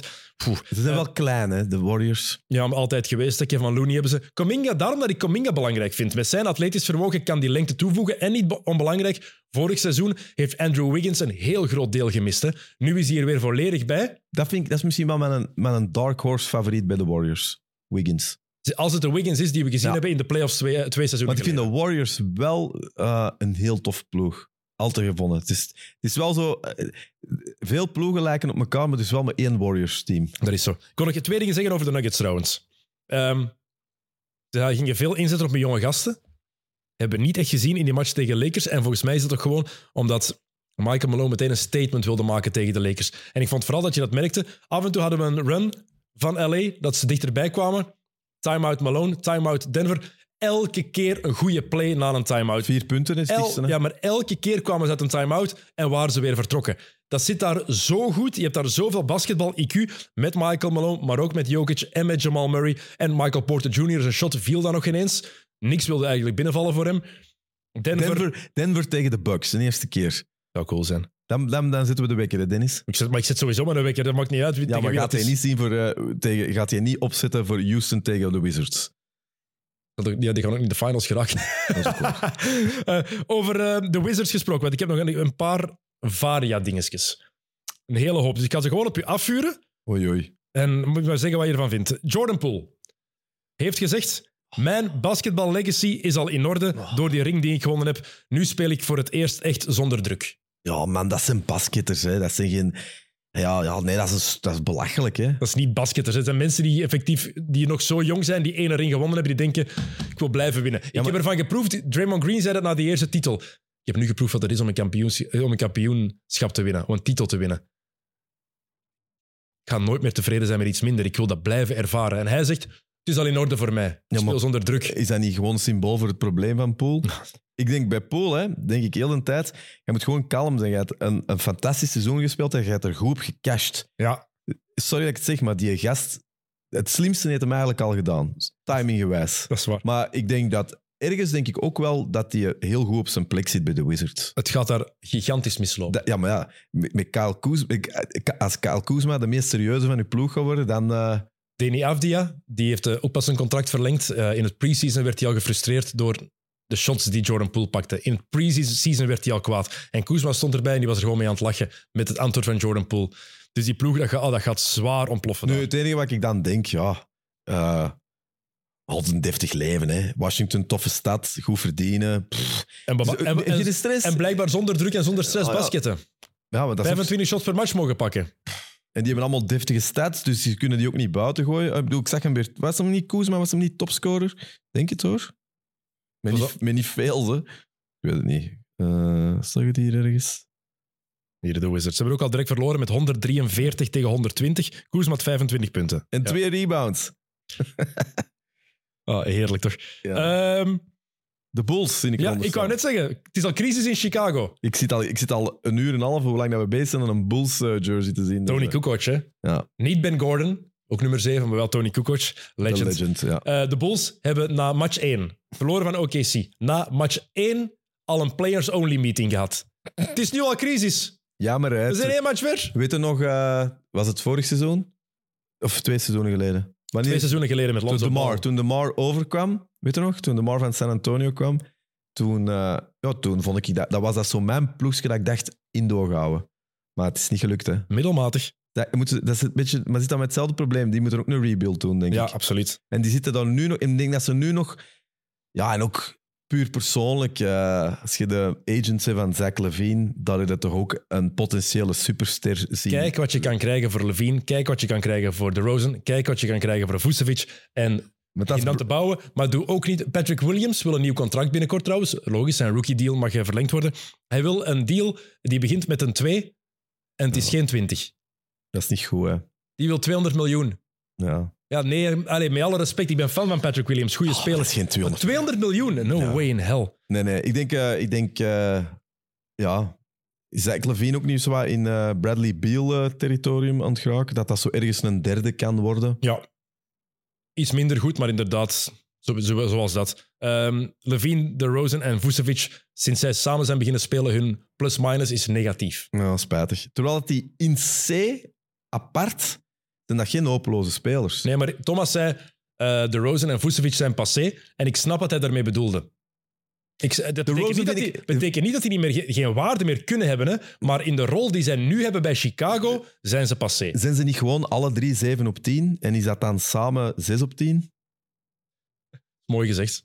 Dat is- geen 7 op 10 meer. Maar bij manier van spreken. ja, ik snap wat je wil Want zeggen. de Rosen vind ik nog altijd wel... Sorry dat ik het zeg, ik vind dat er nog wel een klein beetje glans van een unieke speler bij zit. Sowieso een Want dat, unieke mid, speler. dat mid-range ding, dat is wel tof. En ook hoe dat hem... Ik vind dat ook een sierlijke speler. Ik, zie die ook graag. Levine ook, hè. Maar Levine ja, is soms wat te veel. Is niet sierlijk, is gewoon atletisch. Maar in de rol die, hij nu, die ze nu hebben, daar past En ook, eh, ze hebben er ook een paar gehad die niet zijn doorgebroken. Noem hem daar? Eh, Dos, noemt hem daar? Allee. Ah, je forward. Hoe noemt jij hem weer? Van de Bulls. Wacht. Ah, Dosunmu. Ja.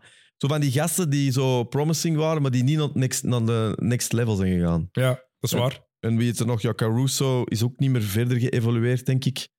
Die had misschien toch beter bij de Lakers gebleven.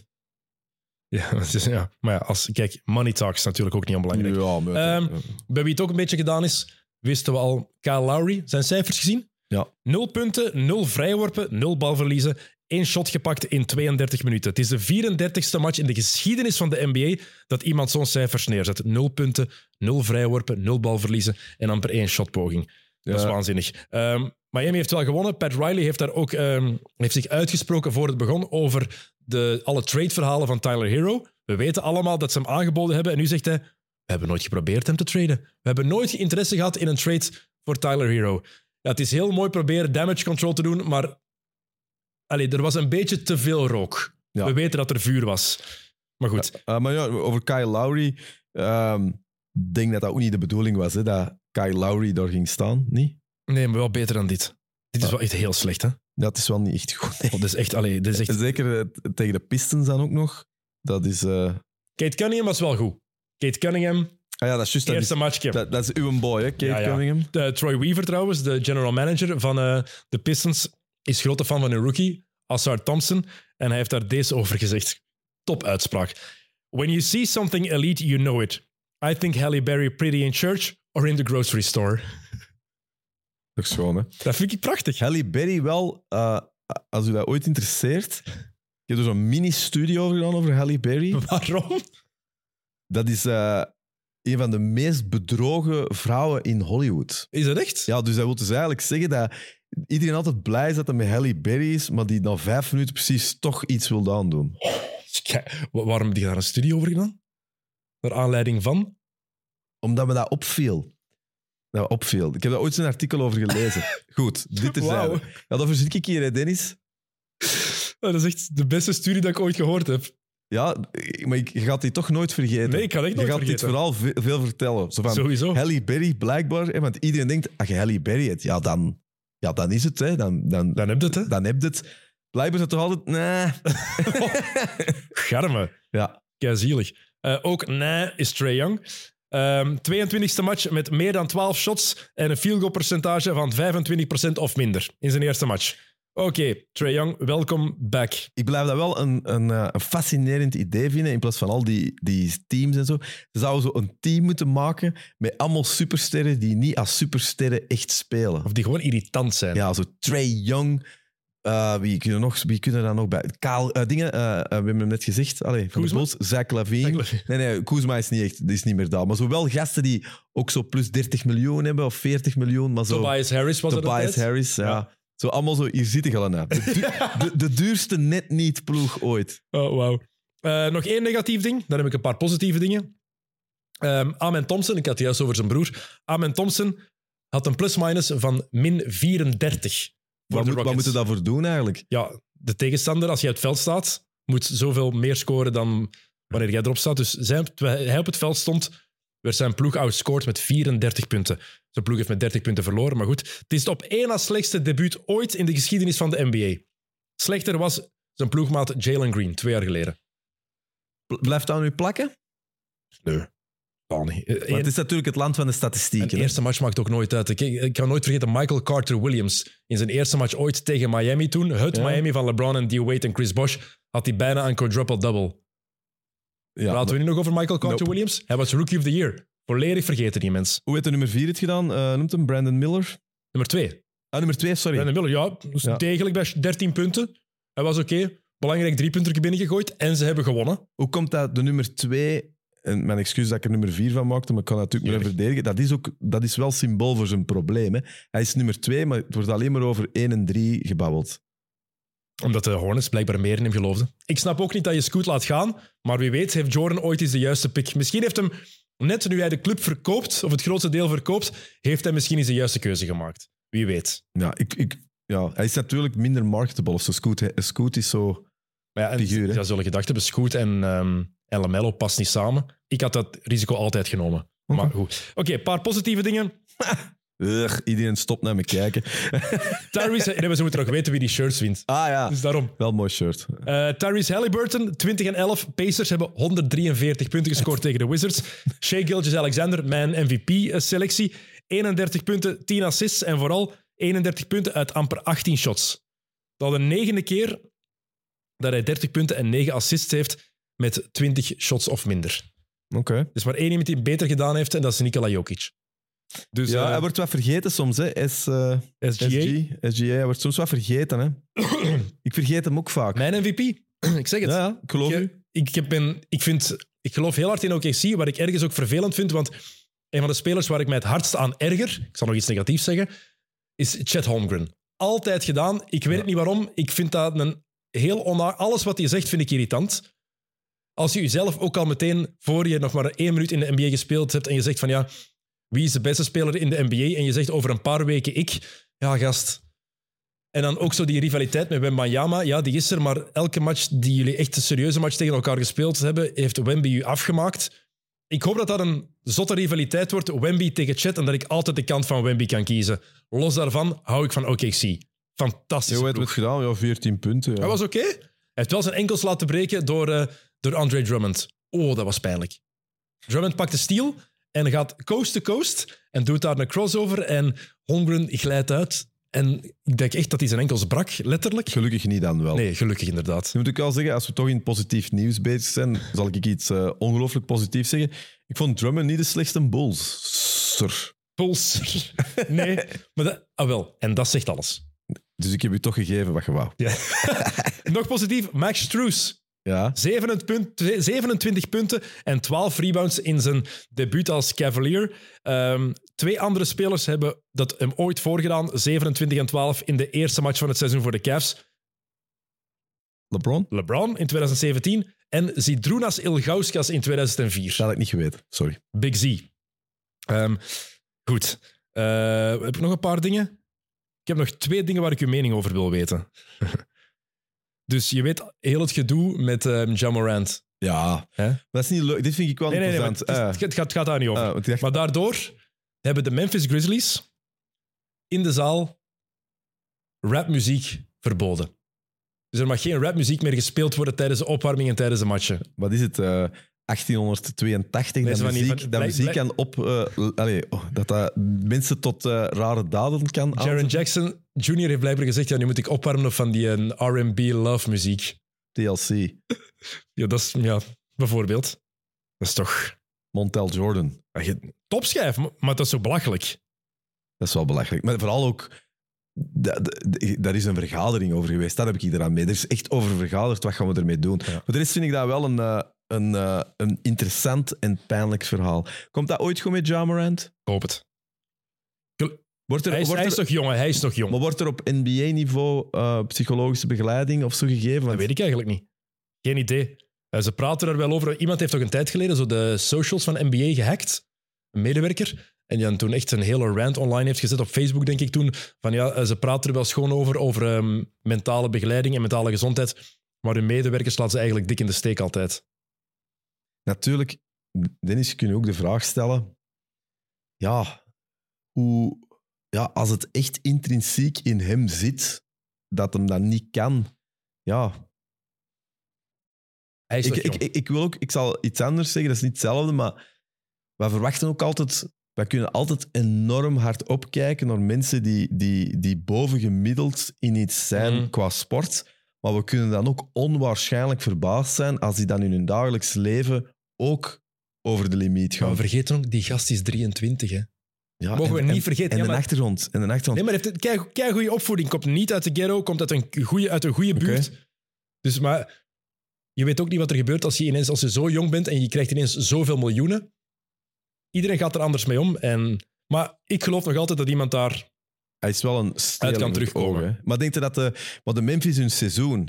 eh, hoeveel matches in het 25? Dat seizoen is toch zwaar gehypothekeerd. Ah ja. Want eerlijk, ik vind Ben nog wel cool. Maar Eh. Steven Adams is nu blijkbaar out for the season. Ja, dan kunnen die... Dan Hij is opnieuw, want hij was hersteld, is blijkbaar geblesseerd voor de rest van het seizoen. Brandon Clark is toch altijd geblesseerd. Ook niet zeker dat die gaat spelen. Het ziet er heel slecht uit voor Memphis. zelfs als, zelfs als, als Ja Morant speelt, is het onmogelijk. bijna. Ja. Ja, ja, eigenlijk wel. ja oké. Oké, het laatste dat ik. eh, mm, ja, oké. Eh, de NBA heeft gezegd: eh, als de volgende mediadeal er is, dan gaan we waarschijnlijk uitbreiden naar 32 ploegen. Paar vragen. Eén, goede zaak of niet? Is er genoeg talent om nog twee ploegen erbij te nemen? Ja, is er vooral... Dat weet ik niet, dat had jij beter op kunnen antwoorden, maar is er vooral genoeg aandacht, spannen bij, mensen, bij de fans van het basket? Is dat nodig? Ik bedoel, het is nu al... bedoel, met alle respect, maar er zijn soms ploegen die je amper ziet. Hè? Ik bedoel, ik weet nu al... Ik heb dat bijvoorbeeld dat probleem met Orlando. Ik weet dat dat fout is, maar ik vergeet dat altijd. Echt? Oeh, nee. Ja, ik vorig jaar had ik dat. Hè? Vorig jaar had ik dit, dat. dit jaar niet. kijken. Maar bijvoorbeeld nu denk ik... Charlotte, daar ga ik mijn best voor moeten doen, dat ik daar altijd nog ga kijken. Washington. Washington. Ah, Chicago. Chicago. Want soms konden we op ploegen kijken omdat je wist... Dat Brooklyn. Brooklyn. oh, Bro- ja.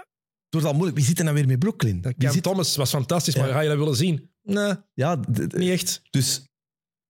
Ik, ik vind het niet nodig. Maar goed. Maar het zouden wel ploegen zijn in Las Vegas en in Seattle.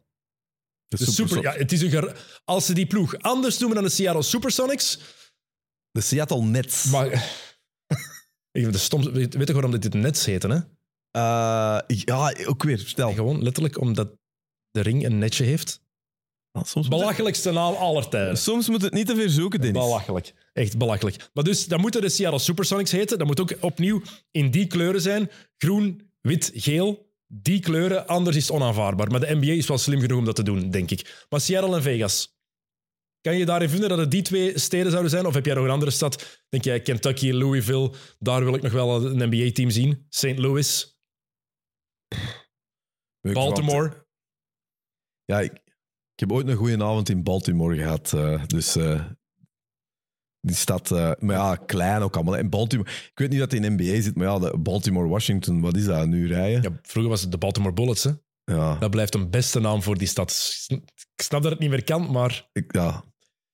Bodymore, Bodymore Murderland, het is waar.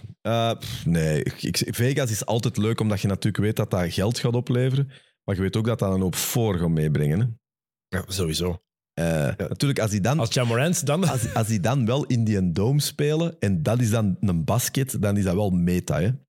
En je weet wel, die, Ja, ja. Nieuwe, die nieuwe LED-zaal dat ze daar Die sfeer. De sfeer. Als die, een, als die een basketbal er dan op staat Cool, hè? en dan basket erin, sorry. Dat is echt... Dan moet ik nog eens naar Vegas gaan. Ja. Echt. Cool zijn. Kijk, Cool ik, zijn. Eh, ik, ben, ik ben pro. Er is genoeg talent in Is er mijn genoeg ogen. geld? Ja, Nou ja, er is genoeg geld. de nieuwe deal gaat superveel opleveren. Maar ik ben... ah, ik denk dat ze daarom ook trouwens ook die deals hebben... ah, die nieuwe regels hebben ingevoerd van je moet zoveel matches spelen. Zodat spelers gewoon... Ja, voor die nieuwe deal, hier komt die nieuwe mediadeal. hè. Daarom alleen al. Ja. Ehm, maar ik, ja, ik ben, denk dat er genoeg talent is voor twee ploegen erbij. En ik wil Seattle gewoon terug. Ik was al voorstander, gewoon de Clippers. Schaf de Clippers af. Sean Kemp. Ga naar Seattle. Sean Kemp en Gary Payton alleen. al daarvoor uh, Tom Chambers, Jack Sigma, Dennis Johnson, um, Lenny Wilkins, Ah. Vin Baker even op het einde, Ray Allen. Ray Allen in zijn prime. En ik vond ook, ik, ik, ik herinner me ook nog zo, dat was ook een cool ding om te hebben, hè? het Kemp jersey zo. Ik heb dat nog altijd. Dat zal, daar twijfel ik niet aan. Zo cool. Eh, goed, over shirts gesproken. We hebben nog twee weg te geven. De twee die jullie op tafel zien, eh, zien liggen, of hebben kunnen zien liggen. Het shirt van eh Giannis Antetokounmpo en van Devin Booker. De winnaars zijn, ik ga eerst het van Giannis Antetokounmpo vertellen. Heel veel leuke inzendingen gehad over de beste naam ooit. Ehm, als jullie mij al lang genoeg volgen, weten jullie wel dat Meta World Peace nooit kon winnen. Ik vind dat geen goede naam. Ik weet niet, ik vond, vond dat stom, Meta World Peace. Dat is belachelijk, ik weet het, dat is subjectief. Maar kijk, het was mijn mening en het was mijn wedstrijd. dus Meta World Peace, maar kom, doe normaal. Eh, en Ron Artest was gewoon te cool, gewoon Ron Artest zelf. Maar sorry daarvoor, het spijt me, maar we hadden heel veel inzendingen binnen. Eh, en eh, de winnaar is geworden Freddy DV op Instagram. Dus Freddy, stuur ons een bericht, stuur ons een DM met jouw gegevens en dan kunnen wij jou dat shirt van Giannis Antetokounmpo bezorgen. En de winnaar van het Devin Booker shirt, dat is David Denole. David, dus ehm, stuur ons een eh, DM met jouw gegevens, met die adres in en dan kunnen wij die shirts bezorgen. Eh, we zeggen het enkel tijdens de uitzending, dus als je niet luistert en eh, we hebben over twee weken niks gehoord, dan gaat, gaan de shirts naar iemand anders. We gaan het niet apart zomaar opsturen. Luisteraars moeten beloond worden, hè? Het vind zijn ik. mooie shirts. Ik Voilà. vind de Bucks misschien nog iets mooier dan de Suns. Ik ook. En er komen nog dingen aan. Kan ik alleen maar zeggen. Ik ga één ding al verklappen. Eh, we gaan binnenkort nog eens een paar schoenen weggeven. Wauw. Wat dat is, kan ik niet zeggen. Het zal waarschijnlijk voor, voor eh, ehm, jonge kinderen of voor vrouwen zijn. Dus geen te grote maat. En er komt ook een shirt van Victor Wembanyama aan. Binnenkort. Dat kan je ook winnen. Dat zal voor de komende weken zijn. Voilà. Is het, is het een real life shirt? Een real life gaat er niet gespeeld. Nee, het is geen, het is geen kleed. Nee, nee, maar het is, ja, Het is geen... Wat, is, wat gaat dat zijn? Een 5XL? dat moet toch wel wat zijn, ja. Kan bijna niet anders. Oké, goed. Andries, bedankt om weer tijd te maken om langs te komen. was tof. Wanneer is de volgende op zijn bakkes? Dat is bij ons altijd een groot vraagteken. maar eh, meestal is het, eh, we gaan proberen ergens eh, ja, eind van de maand, net zo. Het volgende event is de tweede week november, dus een paar dagen ervoor. Oké. ehm, ik kan ook nog altijd luisteren en kijken naar onze eh, special die we gemaakt hebben over vier jaar Friends of Sports. Was heel plezant. Tof, hè? Ik heb me heel goed geamuseerd. Sorry, Dennis, ik wil het toch even zeggen, want ik heb er eigenlijk al wat reactie over gehad, dat ik u blijkbaar wat te hard had aangepakt Monday, over het feit dat jij online niet zo sympathiek zei. Ik heb daar absoluut geen excuses voor, maar ik pak het ook niet terug. ik trek me dat ook totaal niet aan, want ik snap wat je wil zeggen. Ja. En ik... Allee. Maar ik voel, je begint... Het is, het, ik voel wel progressie. worden? Ja, je bent liever. Yes. Ja. Kijk, ik leer, ik leer uit mijn fouten. Ja. Ik leer daaruit. Ehm, wij zijn er, eh, wat, ik ga eerst zeggen wat u nog gaan luisteren aan Friends of Sports. Dus onze special, vier jaar Friends of Sports. Er was een mid-mid special over eh, Eden Hazard. Die is zeker de moeite, want Leroy Deltour heeft gehuild. Leroy heeft gehuild in mid-mid. Hij hoorde dat eh, als Eden Hazard naar België zou komen, dat de enige ploeg waar hij naartoe zou gaan, Zotte Waregem is. En Leroy is een mega Chelsea-fan, houdt van Eden Hazard en is een Zotte Waregem supporter. Maar Zotte Waregem is gedegradeerd. Dat is een Griekse tragedie. Dat is echt een Griekse tragedie. Ehm, wat is er nog geweest? Ehm Kick and Rush kan je natuurlijk ook altijd beluisteren. Niet te missen, ook met Leroy na de speeldag in de Premier League. Ehm, en eh, wij zijn, er is Barotelli elke zondagavond. Niet onbelangrijk, kan je ook live bekijken. Heel leuk met Gilles en Bia Bea. Wij zijn er volgende week terug. Niet met NBA. Volgende week een NFL-special, want dan zitten we in het midden van het seizoen. Dus gaan we een NFL mid-season review special maken. Heel veel woorden voor gewoon even te bespreken wat er eigenlijk al gebeurd is in de eerste acht speeldagen. En de week daarna komen Tijl, Niels en Jokke. En zitten we nog eens samen met de mannen van de Keurig 4. Dat is voor vrijdag 10 november. Voilà. Dus heel graag tot volgende week voor de NFL-special. Als je enkel kijkt voor NBA, blijf NFL een kans geven. En anders tot de week daarna met de Keurig 4. Salut.